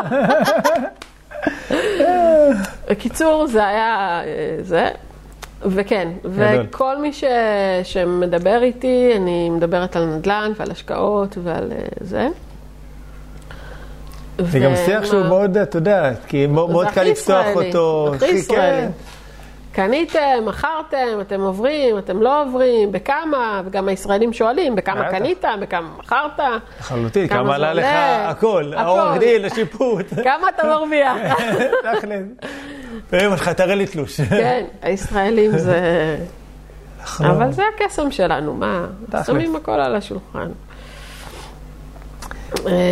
אז, אז אה, בעצם, אה, אז יש את הבניין, ומה מה עשיתם? הוא היה בעצם שימש כנכס מניב, או שמכרתם אותו? לא, לא, לא, הוא הוא עדיין קיים. וואלה, יפה. כן. מעונות סטודנטים, אה, עשינו הכל לפי, ה... לפי ההנחיות של העירייה, זה לקח מלא מלא זמן. ממש ייעדתם אותו לסטודנטים. לגמרי, כן, זה, זה, זה מוגדר מעונות סטודנטים. זהו, אחר כך אה, רציתי, מה שנקרא, להמשיך הלאה ולעשות אה, עוד פרויקטים, ו... אה, וגם לקחתי אה, הלוואה כדי לקנות, לקנות נכס נוסף, היה לי מעט מאוד כסף. וקיבלתי משכנתה מהבנק וקניתי בניין קטן בשכונת בת גלים בחיפה. ושם זה היה כבר אה, באמת אה, פרויקט בנייה של להרוס בניין ולבנות מחדש וכולי, והבנתי שזה... אין לי מספיק אה, כסף כדי לעשות את זה לבד, אז הכנסתי שותף, אנחנו בתהליך מתקדם של הוצאת היתר. אז יש לי שם חצי, חצי פרויקט, אה, גם, גם ב... קפיצת אה, מדרגה. כן, גם, גם בפרויקט הזה אני ואחותי ביחד אה, אה, הלכנו על הדבר הזה, ואני מקווה שזה בקרוב אה, יצא לפועל. אנחנו כבר יצאנו לפריסייל, אנחנו עושים שם אה, קבוצת רכישה. אנחנו עוד כמובן מתווכחים עם העירייה על מספר יחידות הדיור, אבל אה, בסוף אה, אני מקווה שלקראת הקיץ נדע בדיוק אה, כן. את המבנה, והבניין הולך להיות אה, יפהפה. אה, זהו, וכל הזמן הזה אי אפשר לשבת בבית ולחכות להיתרים ולזה. צריך, נכון. לעשות, צריך לעשות משהו. אנחנו אנשים מקוצים. אז כן, כן, לגמרי. אז האמת שגם אני כמוך, כזה אוהבת לעשות הרבה, הרבה דברים. אה, אז אני גם כותבת, ו... אה, זה יוצא ככה, אתה יודע, זה לא שאני מתכוון באמת לעשות הרבה דברים. כאילו, שאין לי בפנטזיה שלי. תמיד אני רוצה לשבת להסתלבט לא לעשות כלום. כן. זה אף פעם לא זה קורה. לא, זה לא קורה. אז, אז באמת, אני, אני כותבת, ואני, אה, כשאפשר להתקהל, אז אני כן. עושה הרצאות לקהל הרחב, אה, גם בנושא של השקעות וגם בנושא של אה, חדשנות בנדל"ן, שזה תחום סופר מרתק. מה למשל? מה, יש מלא דברים יאללה, מדהימים. תפרגני לנו קצת איזה חדשנות. אה, קודם כל, בקרוב מאוד, אה, יש, יש את זה, זה קיים כבר בעולם, אה, מדפיסים בניינים. אה, מדפסת ענקית כזאת, שמכניסים לתוכה אה, אה, מה, בטון, בטון והכל? והיא מדפיסה בניין, היא יכולה להדפיס, אה, היא יכולה להדפיס בית פרטי תוך 24 שעות. וואו. אה, אז נכון שצריך להניח אה, צנרת של חשמל ואינסטלציה ו- וכולי וכולי, ולשים חלונות וזה, אבל הקונסטרוקציה תהיה מוכנה תוך 24 שעות, שזה שינוי מטורף. אה, יש אה, רחפנים שעושים צבע. אה, וואי. יש פיתוחים שהם הם, הם כאילו נדל"ניים, אבל יותר במובן העסקי. אוקיי. אה, של רישום, נכון היום אנחנו צריכים ללכת ללשכת הרישום, לפקיד, כן. לרשום את הערת אזהרה, ואז אתה, אז כשהיה את הקהל, כן, היית שהיה, צריך היה. לעבור שתי בדיקות, ואז אתה מקבל את ה... כן, היום זה כבר מקוון. זה- היום זה מקוון, אבל עדיין יש בן אדם שצריך לבדוק שזה אתה, שזה כן. הנסח. שזה, שם את החותמת. בעתיד זה יהיה מאוד מאוד אה, פשוט, זה יהיה כמו מין אה, מפתח, לכל נכס יהיה מספר מסוים, שברגע שהעברתי לך את המספר הזה, זהו, זה שלך.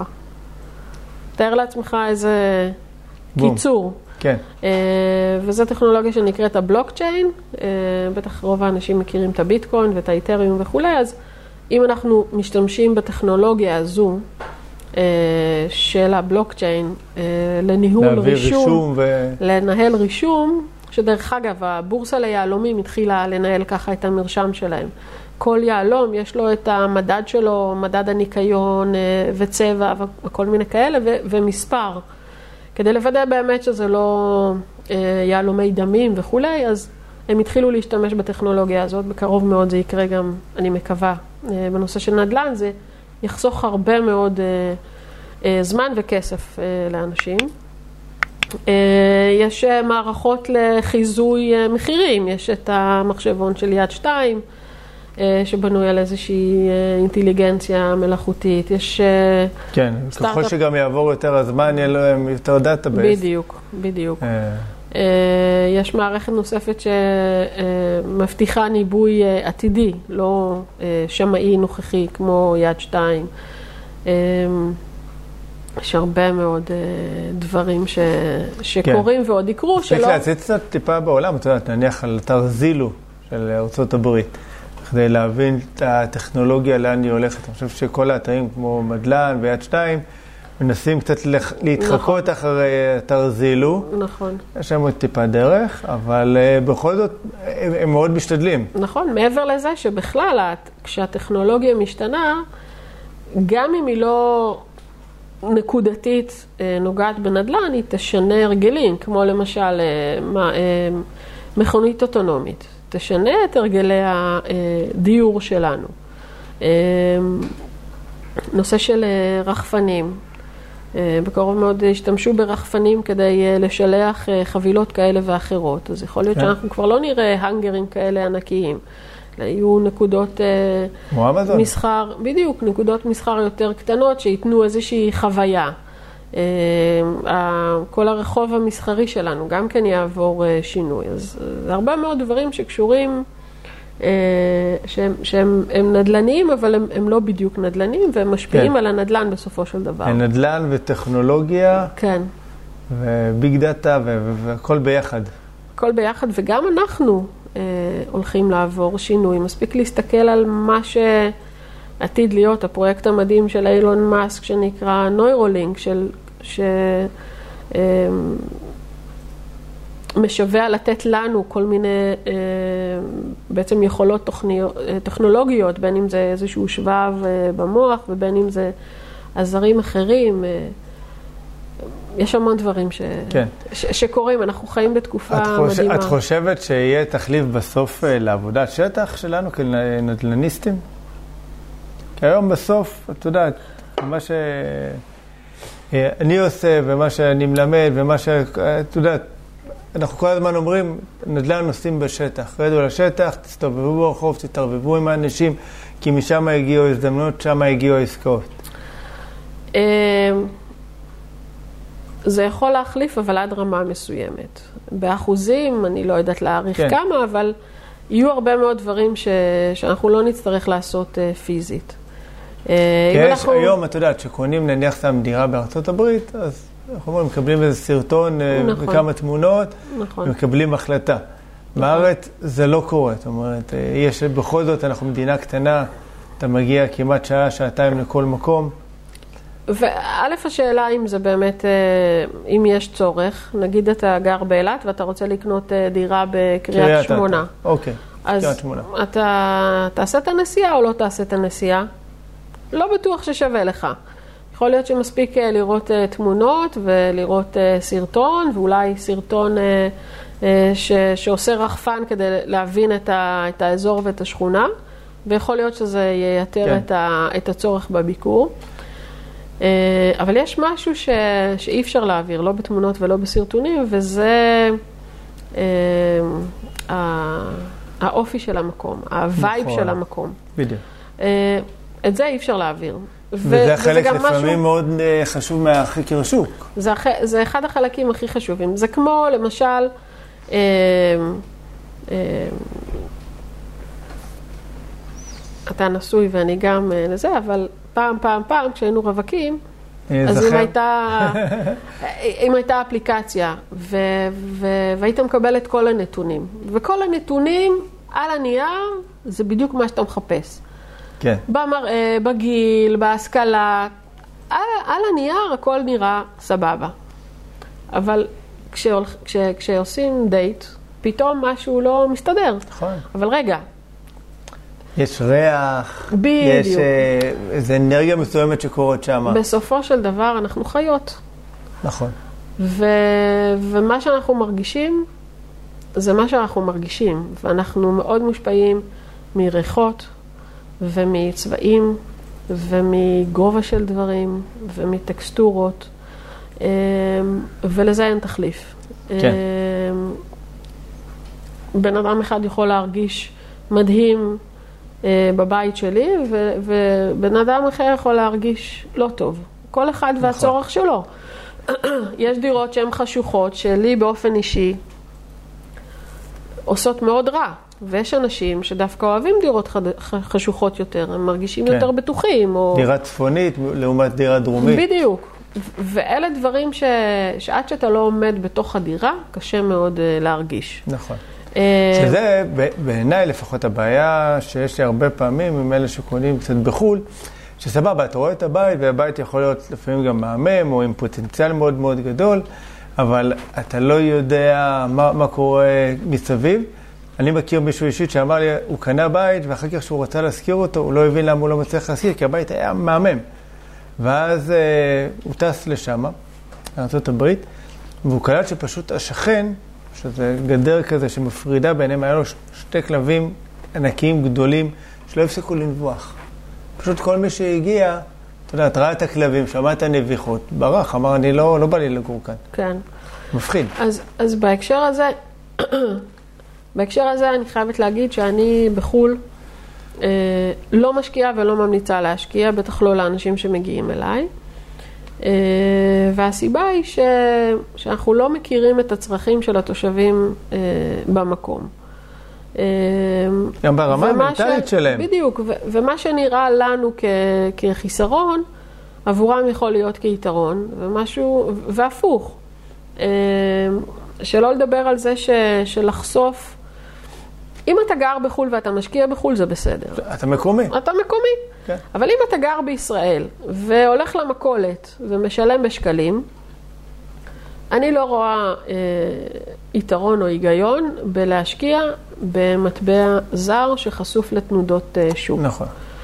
אה, יש לי חברים שהשקיעו בארצות הברית כשהדולר היה 3.8, היום הוא 3.2 אה, כבר. כן. הם כבר הפסידו, לא משנה אם השוק יעלה או לא יעלה, הם כבר הפסידו, כי הם צריכים את הכסף כדי לשלם אה, לחוג אה, נינג'ה של הילד. ו- ו- חוג פסנתר. חוג פסנתר, או מה שזה לא יהיה. אצלנו עכשיו זה להיט. כן? הילדה התחילה פסנתר, אתה יודע, זה. כיף. אה, אני יודעת, אני לא הצלחתי ללמוד, אני. נזכר בשנים הראשונות שאני התחלתי ללמוד על גיטרה, מסכנה אימא שלי. זה- זה- זה כיף, זה ממש, מוזיקה זה כיף. כן. זה הכל אשמתנו. אה, בקטע טוב. למה? יודעת, כי כל הזמן יש מוזיקה בבית, אנחנו אוהבים. כן, אז, אין מה אה, לעשות, מוזיקה נדבקו בג'וק. מוזיקה, נדל"ן. אה, יש ציטוט מדהים, אגב, אה, של גתה, שהוא אמר, אדריכלות היא מוזיקה שקפאה בזמן. וואי. זה משפט מקסים, והוא באמת ממחיש ככה את העוצמות. אה, אז, אז אני לא רואה יתרון ב- בלהשקיע אה, בחו"ל במטבע זר, אלא אם כן יש דברים שאתה עושה בחו"ל באותו מטבע. ואז זה לא משנה לך אם הדולר ירד או לא ירד ביחס לשקל, כי אתה בכל מקרה מוציא אותו בדולרים. נכון. אם אתה ממשיך לגלגל אותו שם. בדיוק. אה, אבל גם אז, אני, אני חושבת ש, שיש בארץ כל כך הרבה אפשרויות אה, להשקיע בכל מיני דברים ש, שאין טעם כן, לנסוע לחו"ל. יבואו אנשים ויגידו לך, כן, אבל תראי, אנחנו מדברים בסוף בארץ על תשואות, אם זה בתל אביב, 1.5-2 אחוז, אתה נוסע קצת לפריפריה, אוקיי, לאזור הקריות וחיפה, ואתה מגיע ל-3.5-4 אחוז, אז מה, אבל אני משקיע בארצות הברית, אני עושה 8-10 אחוז. אבל זה לא נכון. זו, זאת ראייה מאוד מאוד מאוד שגויה.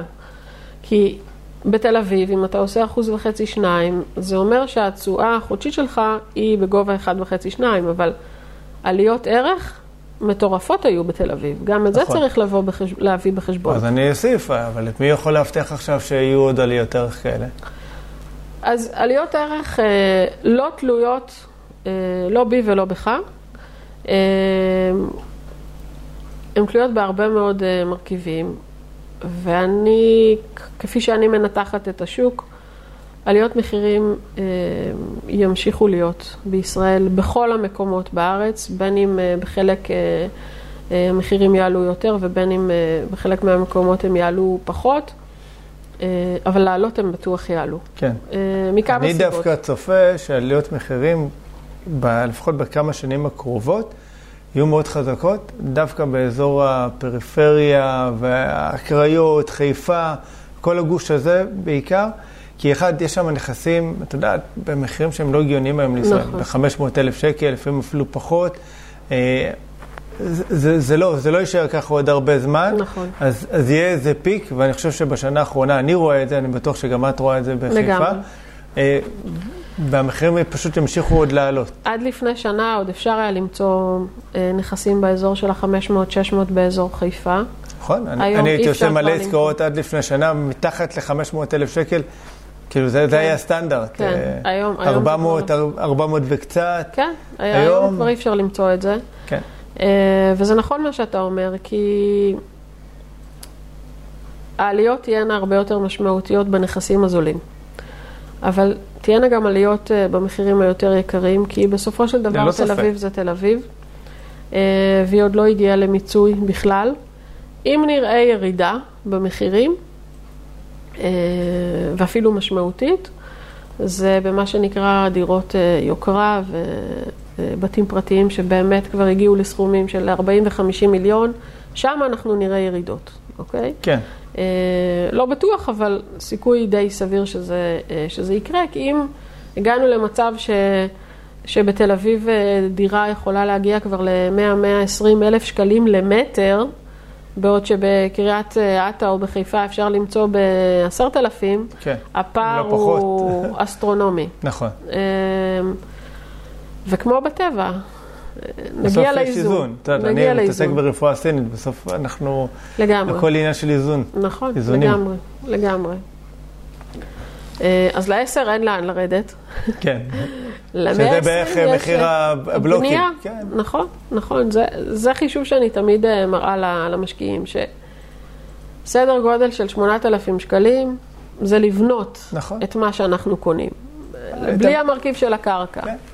אני אומר למשקיעים, אתם קונים, אתם קונים דירה, אבל בעצם אתם קונים את הקרקע, אתם, זה, זה המחיר של הקרקע, נכון. לא, לא של הבית עצמו. נכון, לגמרי. אה, אני מעריכה שמי שלא יקנה דירה אה, בחמש שנים הקרובות, כבר לא יוכל לקנות דירה. אה, עצוב. ואז אנחנו... את יודעת, אני חושב על הילדים שלי, שלך. תראה, מה זה... זה עצוב ולא עצוב, כי יש, בוא, יש אפיקי השקעה אחרים, אוקיי? כן. שאני לא מכירה ואני לא מעורה בהם ואני לא משקיעה בהם, אבל יש אפיקי השקעה אחרים. אה, כן, אבל בית זה אבל לא אנחנו אפיק מפספסים. השקעה, אוקיי? זאת אומרת, בשביל רוב האנשים, בית זה מקום לגור בו, לקיים בו משפחה, ארוחות שישי, חגים. אנחנו, בסוף אנחנו יהודים, את יודעת, יש, יש לנו איזו חשיבות אז- מאוד גדולה לבית. אז, אז, אז אני חושבת שהיהדות הזאת יכולה להיות בעוכרינו, אה, במובן הזה שאנחנו לא חייבים לגור בבית, אה, ש... כאילו שהוא אנחנו, בבעלותנו. שהוא בבעלותנו. אנחנו כן. יכולים לגמרי לשכור אה, נכס אה, ולקנות נכס להשקעה, ואין בזה שום דבר רע, ולהפך, לפעמים כלכלית זה יותר נכון, הכל תלוי רגשית מה הבן אדם מרגיש. אז, אז אני לא, לא רואה טעם או, או, או הכרח לחבר בין השניים. אה, אבל אני מדברת על, אה, על, על נדל"ן כ, כמוצר אה, פיננסי. ובאמת, מי שלא ישקיע בנדל"ן בחמש שנים הקרובות, יהיה לו מאוד מאוד קשה להשקיע בהמשך, כי הנכסים יעלו מאוד. מה שהיום עולה 500 ו-600 אלף, יעלה מיליון ומיליון 200 תוך אה, חמש שנים. כן. הנכסים שקניתי ב-350 אלף שקל כבר לא קיימים, כאילו אין, זה לא... ברור, ברור, אה, חד משמעית. ו, וזה, וזה עצוב במובן הזה שאנחנו מאבדים, אם, אם היום, נכון להיום, לבן אדם שיש לו סדר גודל של 300 אלף שקלים, יש לו אפשרות לבחור אם הוא קונה נדל"ן, או שהוא משקיע במניות, או שהוא משקיע בהלוואות חברתיות, או בכל דבר אחר. אמ, בעתיד הנושא הזה של נדל"ן יימחק מסט האפשרויות. אמ, וככל שיש לנו פחות אפשרויות, יש לנו פחות חופש. אמ, ופה אנחנו באמת בבעיה. את לא חושבת שבעצם כל זה הולך להדגיש עוד יותר את הפרשי המעמדות שיש אה, במדינת ישראל? אין ספק. אוקיי. אה, כבר עכשיו... אה, זאת אומרת, איפשהו יש איזו מחיקה כבר של כמעט מעמד הביניים. לא איפשהו, יש כבר מחיקה של מעמד הביניים. אה, ולצערי, עם כל הנושא של הקורונה, זה הרבה מאוד מובטלים והרבה מאוד אנשים שאיבדו את העבודה שלהם ו... ויש להם משכנתאות ויש סיכוי שיצטרכו למכור את הבתים שלהם. וצריך לעשות ולנהל את זה בצורה חכמה ונכונה. ו- ולגמרי, יש פה פערים אה, נוראים ב- בישראל, אה, וזה משפיע על הכל. לחלוטין. אה, מה, מה את חושבת שבעצם כאילו יקרה כאן מבחינת הנדל"ן? זאת אומרת, אוקיי, אז בן אדם לא יכול לקנות בית, אז מה כולם עכשיו יעברו לכל העניין של שכירות? זאת אומרת, נראה יותר, היום אני יודע שמתחילים להיכנס יותר ויותר קרנות רט. אוקיי? כל הדיור ציבורי כזה ש... בשנות ה... בשנות ה-80 בערך, אה, אחוז הדיור הציבורי שהיה בישראל הוא באזור ה-20 אחוז. אה, נכון למחקר... אנחנו מדברים על עמידר, עמיגור? כן, עמידר, עמיגור, סדר גודל של 20 אחוז. נכון למחקר שיצא, נראה לי, אה, בשנת 2019 של מכון אדווה, אחוז הדיור הציבורי עמד על 2 אחוזים בלבד. וואי, מטורף. זה מטורף לחלוטין. אה, וגם השני אחוז שכן אה, מנוהל על ידי עמידר או עמיגור או מה שזה לא יהיה, מנוהל גרוע, אוקיי? אה, ובכל מקום, בכל נישה שבה הממשלה נכשלת, נכנסים גופים פרטיים. כן. אה, כי יש בעצם אה, צורך שלא מקבל מענה מהממשלה. אה, אנחנו רואים את זה בתחומים אחרים, למשל. מצב הרפואה בישראל הוא, הוא יחסית טוב, אבל אנחנו רואים פריחה של הרפואה הפרטית בגלל תורים ארוכים. נכון. בגלל... תזמיני תור היום פר... לאורתופד.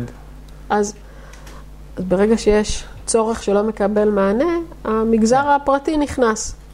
וזה מה שאנחנו נראה, אנחנו נראה יותר ויותר חברות אה, פרטיות וציבוריות שעוסקות בנדל"ן אה, למגורים, שאם עד עכשיו מה שהם עשו זה לקנות ולמכור, הם מהר מאוד יעברו לנישה הזאת של אה, לבנות ולהשכיר לטווח ארוך.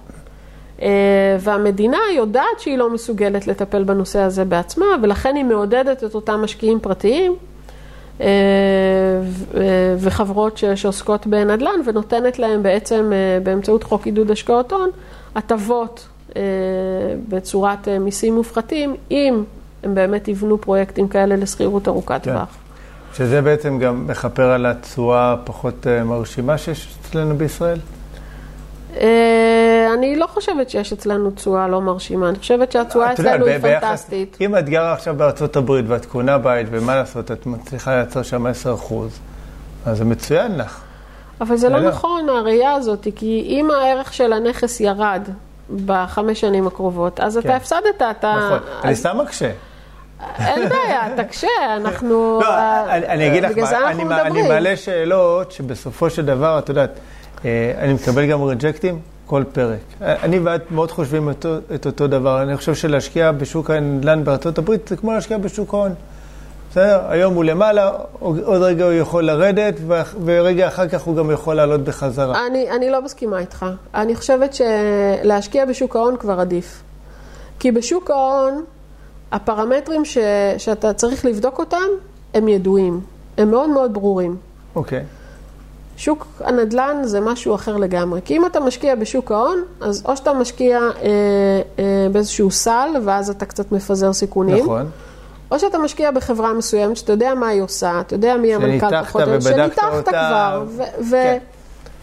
או שאתה מתחבר לפעילות שלהם או לא מתחבר לפעילות שלהם, או שאתה מאמין בהם או לא מאמין בהם, אבל בנדל"ן יש הרבה יותר פרמטרים שאתה, שאתה לא יכול לצפות אותם. אתה יודע, לחלוטין. יש שלוש קטגוריות של ידע, אוקיי? מה שאני יודעת שאני יודעת, מה שאני יודעת שאני לא יודעת, ויש את הקטגוריה השלישית והיותר מסוכנת, מה שאני לא יודעת שאני לא יודעת. נכון. שהיא קטלנית. ושהיא הכי, הכי קטלנית. ו, ובסופו של דבר, אם אני משקיעה בארצות הברית, הקטגוריה הזאת היא צובעת את הכל מאוד מאוד אה, בשחור. כן. אה, ו... למרות שהמשווקים אני- אה, צובעים את הכל במאוד מאוד ורוד. תשמע, אני סיפרתי לך קודם על האהבה הרבה שיש לי לאדריכלית הזו, זהר חדיד, ש- שנפטרה. והיא התחילה פרויקטים בניו יורק, ולא מזמן הושלמו פרויקטים שלה שהיא התחילה ובסופו של דבר מישהו אחר סיים, אבל זה סקצ'ים שלה. זה, זה... תשאל אותי אם אני לא מתה לקנות שם דירה, אני מתה לקנות שם דירה, אבל לא להשקעה, אה, ולא עכשיו, שאני עוד אה, צריכה לבנות את החיים שלי וזה. כשאני אגיע למספר המטרה שלי, אז אני ארשה לעצמי אה, לשקול אופציה. כן. כזו. לא עכשיו. בטח ובטח לא לאנשים שבאים אליי אה, לייעוץ, ויש להם סדר גודל של חצי מיליון שקל להשקעה, וזה כל מה שיש להם, אין להם אה, מיליונים בבנק. אם יש לך מיליונים בבנק, לך תשקיע בארצות הברית, תהנה, אוקיי? אבל אם אין לך, וזה כל מה שיש לך, צריך להשקיע במקום שהוא הכי פשוט להבנה, שהוא מה שנקרא מוצר צריכה בסיסי לחלוטין, נכון, מינימום סיכונים. מינימום סיכונים, זה הכל. לישון טוב בלילה. ש... דירה שבכל שלב אפשר להשכיר אותה. כן. ב-100 שקל יותר, ב-100 שקל פחות, אבל אפשר להשכיר אותה. והיא קיימת ונמצאת כבר. נכון. אמ, יש עכשיו אה, טרנד גם של קרקעות חקלאיות, שאת זה אני בכלל לא התאפקתי מבינה. לא להגיד את זה. זה, תקשיב, זה למכור לאנשים אה, חלום. שזה- זה כמו, אתה יודע, פעם רציתי לרדת במשקל. ואתה יודע, האייפון שומע מה שאתה מדבר ומתחיל נכון. לשלוח לך פרסומות. ואני מקבלת אה, תה כזה, וכדורים כאלה, וכדור... בוא, אין, אין חוכמות, כאילו, צריך לעשות ספורט, וצריך לאכול פחות, וזה לוקח זמן, וכאילו, אי אפשר לרדת אה, 20 קילו ב-24 שעות, זה לא, זה לא יקרה. לא. אז, אז גם אי אפשר לעשות מיליונים ב, ב, בעסקה אחת. אלא אם כן, אתה יודע, זה קורה אחד ל... כמו שזוכים בלוטו. אה, אבל בסופו של דבר נדל"ן זה לעשות עוד עסקה ועוד עסקה ועוד עסקה, אה, ואני מאוד נהנית מה, מהדרך. ואני גם נהנית מהדרך שה, שהלקוחות שלי עושים, כי אני רואה כן. מה זה עושה להם. נכון. אה, וזה, וזה משנה, זה משנה את הכל. כי... זה מרגש, כל, כל, אתה יודעת, אני אומר, כל משפחה, כל אה, משקיע כזה שאתה כן. מלווה, אה, בעיקר הרבה פעמים שאתה יודע, זה כאלה שמתחילים, שאתה מכניס אותם לעולם הזה של הנדל"ן, ואתה כן. רואה את ההתרגשות שלהם. אני, אני, לא יודע, אנחנו מתרגשים כל פעם מחדש בשבילם. תשמע, כמויות הדופמין שמופרשות בגוף אחרי שעושים עסקה, זה מדהים. נכון. אה, וזה נותן הרגשה עושים טובה. עסקה אחרי שמשפצים, אחרי במהלך השיפוט. שמזכירים, בדיוק. כן. אה, וזה כן, זה כיף. קיצר, החיים שלנו מלא אקשן ועניין, הייתי אומר. כן. אני, יש שלב שאני הכי אוהבת אותו. אה, השלב הראשון זה השלב שכאילו נופל לי האסימון של מה אני רוצה לעשות בדירה. זה קורה בדרך כלל אחרי איזה דקה או חצי דקה. אה, והשלב השני זה אחרי שכבר אה, שברתי את כל הקירות שצריך אה, לשבור, ופירקנו את כל הדלתות והחלונות הישנים וזה וזה. ואז יש כזה, כמו קנבס לבן כזה, הדירה פתאום פרוסה, ועכשיו כל האפשרויות פתוחות. ריצוף אפור, ריצוף בז', פרקט, לא פרקט, אלומיניום כזה, אלומיניום אחר, מטבח כזה, מטבח אחר. כל, כל האפשרויות פתוחות, וזה זה באמת אה, נקודה שהיא ככה, מדהים. וואו, כן. ואת אה, עושה דברים מהממים. תודה. מביאה את כל האומנות, אדריכלות, כל ה- החוויות, אה, נקרא להם חוויות ילדות, כן, אוקיי? ככה לתוך הדבר הזה שנקרא נדל"ן. לגמרי, לגמרי. אני, אני גם, אני גם חושב, תראה, אנחנו, אה, אם נחזור רגע למה זה, מה זה נדל"ן, אה, התחלתי לכתוב אה, ספר, האמת, על. על מה זה נדל"ן ועל הרבדים השונים שלו. ואם אנחנו רגע מסתכלים על נדל"ן כ, כמוצר צריכה, אוקיי? אז נסתכל רגע על שוק הרכבים. יש לך רכבים קטנים ורכבים מיני, ויש לך ג'יפ. אה, ויש... יש לך גם אה, מיני ג'יפ. מיני ג'יפ, כאילו. וארבע על ארבע, וצבע כזה וצבע אחר.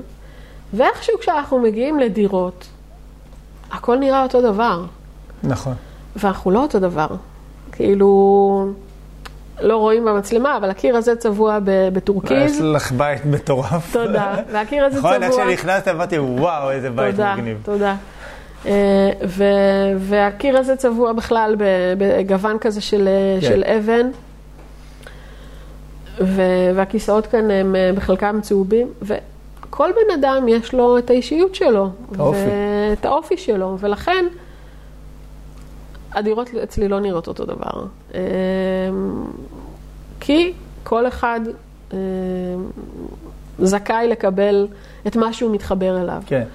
אה, אבל מה אם להתאים את הנכס בעצם לצרכים של השוק, בוודאי. אוקיי? כי בוודאי. כאן, את יודעת, לפעמים אנחנו אוהבים משהו, סתם, אנחנו אוהבים רצפה ערבית כזאתי, אבל זה פחות מדבר עכשיו לקהל יעד, אה, סתם, שעולים מברית המועצות. אז זה לגמרי נכון, צריך להבין את השוק, צריך להבין מי הלקוח הפוטנציאלי שלי, ש, שזאת המחשבה שלי. נכון. המחשבה שלי בעצם היא מי הסוחר הפוטנציאלי שלי. אה, מי הוא, בן כמה הוא, מה הוא עושה בחיים, אה, מה הוא אוהב ומה הוא לא אוהב. אה, במובן הזה של, של עיצוב וכולי. ואז ברגע שאני יודעת את התשובות האלה, אז אני מנסה לכוון למכנה המשותף הגדול ביותר. כן. אה, יש אזורים בחיפה שהם יותר, אה, אה, קהל היעד הוא יותר אה, סטודנטים. אז אם אני יותר יכולה... קרוב לאוניברסיטה. כן, אז אם אני יכולה לייצר אה, מקלחת ושירותים אה, נוספים בדירה, או באותו, או בעצם מקלחת ושירותים מוצמדים לחדר מסוים, אז אני, כן. אז אני מייצרת את לעשות זה. סוויטות, מה שנקרא, לעשות, בעגה המקצועית. כמו סוויטות הורים, כן. לכל, לכל אחד מהשותפים. כן. אה, זה בדירה גדולה אני יכולה לייצר, בהנחה ומבחינת התשתיות אני יכולה, אה, אה, אתה יודע, צינור של הארבע צול כן. וכולי, אם אני יכולה לעשות את זה, אני עושה את זה. אם, אם הנכס הוא, הוא עבור זוג, או שהוא עבור, הוא- או שהוא עבור יחידים. יכולה לגור שם משפחה, לא יכולה לגור שם משפחה. ואני יודעת את זה כי אני מחפשת את מה שמשפחות מחפשות, שזה גני ילדים וסופרים וקופת חולים. אם אני רואה את זה באזור, אני מבינה שגרות פה משפחות. אם אני לא רואה את זה באזור, אני מבינה שגרות פה פחות משפחות. אפשר לראות את זה גם מגודל המכוניות. אם זה SUV כזה, אז אני יודעת שיש משפחות. אם אני רואה בוסטרים כן. ברכבים, אז אני מבינה שיש כאן ילדים. אה, אם אני רואה כל אה, כאלה אופניים אה, חשמליים, אני מבינה שהרוב כאן זה כן. לפעמים זה גם סטודנטים. לתפוס את השוק בתהליך של התהוות. לגמרי. לא, לא, אני יודע, אצלנו נניח, ב, אנחנו בקריית אתא משקיעים, וגם מלווים את המשקיעים, ויש אזורים שאת רואה שמתחילים קצת יותר ויותר חבר'ה צעירים להגיע. כן. ואז באמת הדרישה שלהם, אה, שהדירות יהיו מאוד אה, שיקיות, מאוד מעוצבות. איך אה, מישהו אמר לי? שזה יצטלם טוב לאינסטגרם. אני קוראת לזה מדד הגרפיטי. אוקיי, אם אני מתחילה לראות גרפיטי, צבעוני כזה מגניב, אני מבינה שקורה משהו. אה, מדד אחד, שאני משתמשת בקריית בו הרבה. עדיין לא הגיע. אה, ומדד נוסף זה מדד הנשים. אנש, אנשים? נשים. אוקיי. אה, כמה נשים אתה רואה מסתובבות ברחוב? אם אתה לא רואה נשים בכלל וזה רק גברים, זה אזור אה, שאישה לא תלך בו ולא תשכור בו, ו... כן, ולרוב המחירים יהיו יותר זולים. נכון. אם הרחוב... אה, זה גם אומר משהו על רמת האוכלוסייה שם, הייתי אומר. זה, זה או אומר... רמת הביטחון. בדיוק, זה אומר שרמת הביטחון היא אה, בעייתית. כן, אה, ואז אם 50% מהאוכלוסייה לא תשכור שם דירות, אה, אכלתי אותה. לחלוטין. אבל אם אני רואה אנשים שמתהלכות פחות או יותר חצי-חצי, כמו שאנחנו באוכלוסייה, אז אני מבינה ש, שאני בסדר. אה, אז יש לי את מדד הגרפיטי ומדד הנשים. אה, עוד מדד מעניין זה מדד החניות נכים. כשהאוכלוסייה מאוד מאוד מזדקנת, יש הרבה מאוד אה, רכבי אה, נכים באזור, מסומן על הרחוב, אפשר לראות שלטים. אה, ושכונה, אתה יודע, זה כמו בטבע, יש אה, מחזוריות. אה, אז אה, בהקשר הזה של, של השקעות, צריך למצוא את השכונה שהיא בחורף שלה, שה, נכון. שהמבוגרים כבר עוזבים את השכונה לבית אבות או לדירות יותר קטנות. ובאמת יש לי כרגע עסקאות של אנשים ש- שעוברים אה, מדירת המגורים ל- לבית אבות והם צריכים זמן פינוי וכולי, אז אפשר לבוא לקראתם אה, בנושא של מועד הפינוי, שיהיה קצת יותר ארוך ויותר גמיש, ואז המחיר הוא יותר אה, נכון. זול. וככה אנחנו עוזרים למעגל הזה. כן. מגניב, אנחנו חלק מהמעגל הזה. אנחנו לגמרי חלק מהמעגל יפה. הזה. בלה, כן. רגע לפני סיום, אנחנו עוברים לפינתנו הקבועה. אוקיי. שנקראת השאלון המהיר, אוקיי, חוקים פשוטים, אני שואל, את עונה אוקיי. ב- מהר. בצורה ספונטנית, אוקיי. בסדר? אוקיי. את מוכנה? אין גונג. יאללה. נשימה עמוקה, אה, אוקיי? יאללה. אה, תארי לי את עצמך בשלוש מילים. אימא'לה.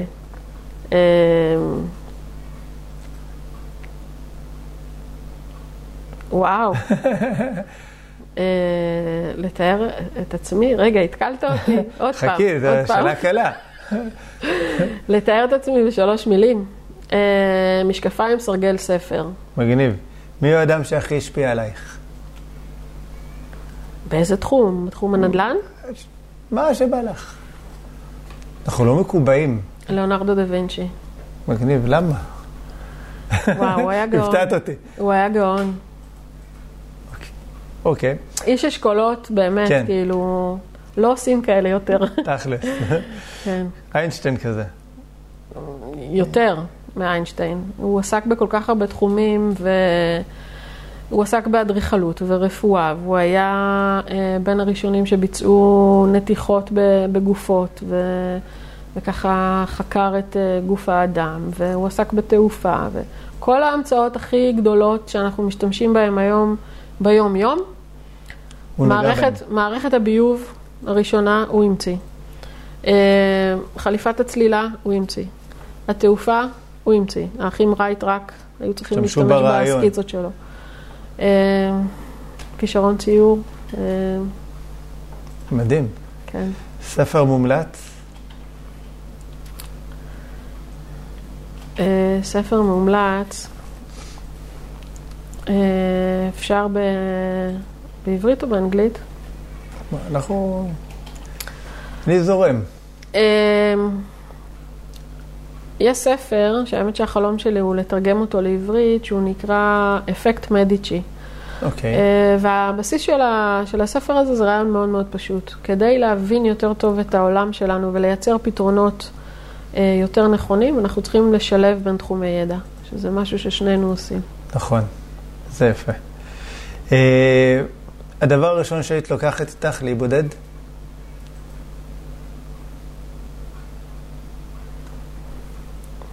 יש וי-פיי או אין וי-פיי בעיר? להיבודד. מחברת עם עט, מחברת. את באמת צריכה וי-פיי להיבודד? כן, כן? את מכורה. לגמרי. הדבר האחרון שהיית לוקחת איתך להיבודד? מגפיים. מגפיים. אחלה, תיבודד. אה, העצה הכי טובה שנתנו לך?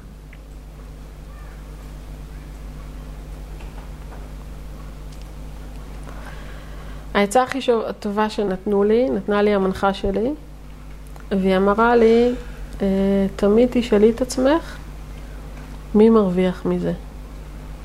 אוקיי, למה?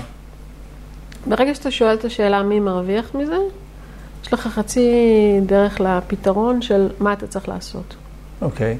ואם סתם התשובה היא, הצד השני מרוויח מזה? לא, היא התכוונה יותר אה, במובן של, אה, של, של מול המדינה, מול מצב מסוים, מול מצב משפטי מסוים, מול מצב כלכלי מסוים, למשל, okay. אוקיי. מה שדיברנו קודם. מי מרוויח מזה שאין לנו חינוך פיננסי בתור ילדים? הבנקים. אז ברגע שאתה שואל את עצמך את השאלה הזאת, אה, אנחנו מקבלים תשובה. ומי מרוויח מזה שמחירי הנדל"ן רק עולים ועולים ועולים? המדינה. המדינה. אז איזה אינטרס יש לה שהם... אין לו שום התחילו לרדת? זה הכל fake אה, news. כן. אני חושב שהקורונה גם הוכיחה, את יודעת, פתאום כל השינויים, אם זה במס הרכישה, בריבית אה, של הפריים, שפתאום שינו את התמהיל. זה הכל uh, מדיניות. בסדר, ואין לי ספק שיש עוד איזה כמה שפנים בכובע שהולכים לצוץ. יש לי איזו הרגשה כזאת. בסדר? בהקשר של נדל"ן? כן. הרגשה שלי, משהו אולי באחוזי המימון או משהו, אז... זה מוקלט, אני יכול תמיד לערוך את זה בעריכה, ואז כאילו לא ישמעו. אז אני אגיד לך משהו, זה נכון שלמדינה יש הרבה מאוד קרקעות, ויש את האמירה הזאת ש-90 ומשהו אחוזים מהקרקעות של המדינה הם... אה, כן, אבל מי יגור עכשיו במדבר יהודה שיש שם חול וחולרה? בדיוק, רוב הקרקעות האלה הן קרקעות שבמקומות שאף אחד לא רוצה לגור בהן. ובמקומות שכן רוצים לגור בהם זה קרקעות פרטיים, אז כאילו, קרקעות פרטיות, אז כאילו, בוא, כן. לאף אחד באמת אין אינטרס שהמחירים נכון. ירדו. בטח גם לא לבנקים. כן. איזה תחביב יש לך? אחד מהם. אמ, אני מתביישת להגיד לצייר, אבל אני אגיד לצייר, כי התחלתי רק אה, ממש לפני כמה חודשים. אז מה, תחביב. כן? כן. כן, הנה זה... סרט לא רע בכלל. תודה. איפה את רואה את עצמך בעוד אה, עשר שנים? מה, מבחינת uh, עבודה, מבחינת uh, מגורים, מבחינת... כן, לא יודע. מבחינת נדל"ן, חיים. Uh, זה יופי בשאלון הזה, כאילו, פתוח. מה שאני זה. אני רואה את עצמי... עד עכשיו דיברנו נדל"ן, עכשיו... אז אני רואה את עצמי גרה בכפר סבא, בדירה אחרת, אה, קצת יותר גדולה, כי עכשיו באמת יש אה, צורך של עוד אה, חדר עבודה, וכי אפשר להתרחק מהבית ספר של הילדים, אז אולי נדגום שכונה אחרת. האמת שאני רוצה לעשות את אותו דבר שאני עושה עכשיו, אבל בווליום יותר גדול. פשוט את אותו דבר, אבל יותר. כן, מגניב. כן. כן, ואני רוצה... זה סימן שאת נהנית ואת מאוד אוהבת את מה שאת עושה. אתה יודע, היינו ב... בקמפינג לפני משהו כמו שנתיים, והיה איזה פרס מטורף בלוטו. וישבנו כזה סביב, ה... סביב המנגל, ו... וכולנו, מה, וזה, ולא שלחנו, וזה, וטוב, בואו ניסע רגע לשלוח מהר, זה. נסענו, שלחנו את הטפסים, ואז התיישבנו בחזרה סביב המדורה, ואיזה מישהו שאל, אה, טוב, אז מה עכשיו? כל אחד אומר מה הוא עושה אם הוא זוכה. זה היה באמת סכום פסיכי, לא יודעת, 24 מיליון, משהו כזה, ודאבל לוטו 48, משהו באמת, כן. סכום מטורף. סודר חיים כזה. כן. ואז כל אחד... ואז היה אחד. הוא אמר, אם אני זוכה, אני לוקח את המפתחות, מוציא את המפתחות, אני לוקח את המפתחות, זורק את המפתחות על השולחן ומתפטר, זהו, לא עושה כלום. אחד אמר, אני יורד לחצי משרה, וזה. אה, אחת אמרה, אה, אני הולכת, אה, כאילו אני חוזרת ללימודים, וזה וזה. ואני אמרתי, אני קונה את כל חיפה. ופשוט עושה את מה ש... מפרקת את השכונה. עושה פשוט את מה שאני עושה, אבל אה, יותר. כן. כן. נכון, את גם מרגישה את התחושה הזאת שלפעמים את אומרת, הלוואי והיה לי עוד כסף, הייתי קונה גם את העסקה הזאת ואת העסקה הזאת וזאת. לא, נגיד, לא נעים לי להגיד כי זה מוקלט, אבל כל דירה שאני קונה ללקוחות שלי, אני אומרת, יאללה, איך לא... תקשיב. לפעמים אני מרגיש כאילו שאת יודעת... לא נעים לי להגיד, כי את יודעת, זה נשמע כמו איזו מניפולציה זולה. לגמרי, לגמרי. את יודעת, אנחנו עוד לפעמים אשכרה מתלבטים, אוקיי, רגע, אנחנו ניקח את זה או לא ניקח את זה? אני כן. חושב, רוב העסקאות ככה. מה זה רוב העסקאות? כל העסקאות שלי הן כאלה. אם זאת עסקה ש... שאני לא רוצה לקנות, אני לא ממליצה ללקוח. כן. אין דבר כזה. גם אם המ- המח... אבל אנחנו לא תמיד, את יודעת, יש גם גבול, לפעמים, זהו, רמת הנזילות היא קצת אה, נמוכה זה- יותר. זה נכון, אבל- אז סבבה, אז אנחנו משחררים, כאילו, אתה אתה יכול... אבל... זה נכון, אבל, אבל הקריטריון הזה הוא חשוב לי בטירוף. אני אם לא זאת קונה לא דירה שאני לא... במשקיעים איפה שאני לא קונה לעצמי. בדיוק. ואני כמלווה משקיעים, בסדר, מחזיק נכסים באותו עיר שאני מלווה. בדיוק. זה הכל, אני לא בא רק ללוות שם אנשים ואני לעצמי, לביתי, עושה במקום אחר. בדיוק. זה בעיניי, כאילו, איך, איך אתה בכלל יכול אז כאילו לעשות דבר כזה? נכון. בסדר? פשוט נכון, מאוד. נכון. שאלה הבאה. עכשיו קניתי איזה דירה לאיזה מישהו, תקשיב. וידעתי שזה יהיה ככה אחרי שאני אשבור את הקיר הזה. ואתה פשוט... ואז באתי ואמרתי, טוב, את זה שוברים. כאילו, גם יש לי אנשי מקצוע באמת אה, מקסימים. אמרתי לו, טוב, אתה שובר את זה. טוב, וזה, טוב, תזוזי. אמרתי לו, לא, אני רוצה להסתכל וזה. אמר לי, טוב, לכי תקני קפה, תחזרי וזה. תקשיב, זה פשוט... חיפה, רואים ים, גם ממערב וגם מצפון. כן. אימא'לה, איזה דירה. אני אומרת לעצמי, איך? איך לא קניתי? 645 אלף שקלים. זה פשוט... דירה עם נוף לים. מה זה נוף לים? אני אראה לך. אחר כך, אני... אני... אבל טוב, לשאלה הבאה. לשאלה הבאה. אוקיי, אם היו עושים סרט על החיים שלך, לאיזה ז'אנר הוא היה שייך?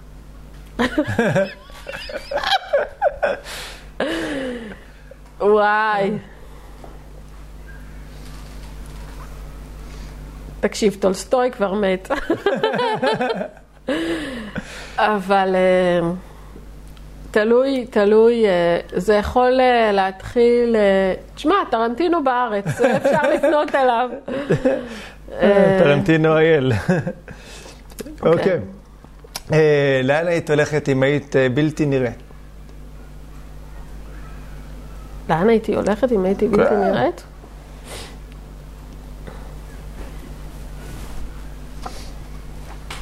לישיבת ממשלה, ישיבת ממשלה. כן. אוקיי, למה? כי מעניין אותי ל- לשמוע מה הם אומרים אה, בחדרי חדרים ולא מול התקשורת. או. כן, כמה זמן לוקח לך להתארגן בבוקר? עשר דקות. עשר דקות. מה הדבר שעשית שאת הכי גאה בו?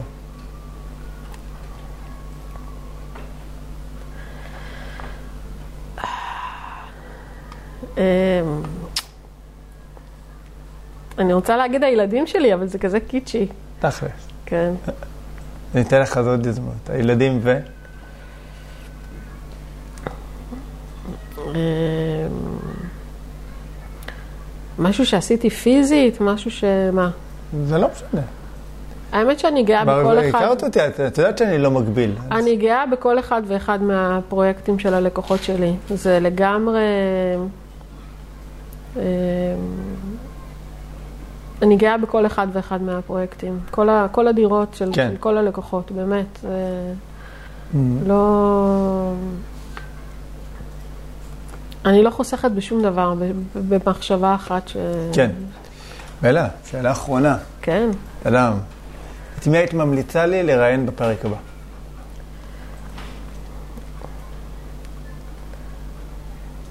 יש לך גישה לכל האנשים בעולם, חופשי? אה, ישר, וואטסאפ, אני מתקשר, מה? מישהו בארץ. מישהו בארץ, בוא נקן. אתה יכול... אה, תקלי עליי קצת. עכשיו גם קורונה, אתה יודע, תן טיסות. דנה עזריאלי, דנה עזריאלי. כן. לא מכיר, אבל תקשרי בינינו.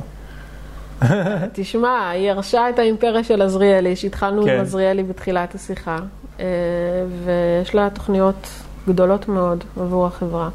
אני חושבת שהיא בן אדם מרתק, והיא אישה, נכון. שזה בתחום הזה, שזה כבר... אה, אה, אין, נשים, אין, אין הרבה נשים בתחום הזה, וחבל. אה, נראית לי נכון. בחירה טובה. טוב, דנה, אני בדרך. בשמילק. אה, וואי, בלה, קודם כל שמחתי ככה תודה. שבאת ושיתפת אותנו בכל כך הרבה ידע. אתה באת. שאני באתי, שאת הזמנת, שהסכמת, ואני נהניתי, אני בטוח שמי שככה הגיע עד לכאן גם סופר נהנה. חברים, קודם כל תודה רבה שצפיתם, אם עדיין לא הורדתם את המדריך להשקעה נכונה בנדל"ן, אז זה הזמן, נחכה לכם לינק איפשהו למטה. אם לא הצטרפתם לקבוצה של הפודקאסט מדברים נדל"ן בפייסבוק, אז זה גם כן הזמן, ואם בכלל עדיין לא נרשמתם לערוץ, אוקיי, ולא לחצתם על ההרשמה, אז זה בדיוק הזמן, ותלחצו גם על הפעמון שתשארו מעודכנים. בלה, תודה רבה, תודה היה רבה. לי כיף. גם לי. וזהו חברים, נתראה בפרק הבא. ביי ביי, יום מקסים. ביי, להתראות.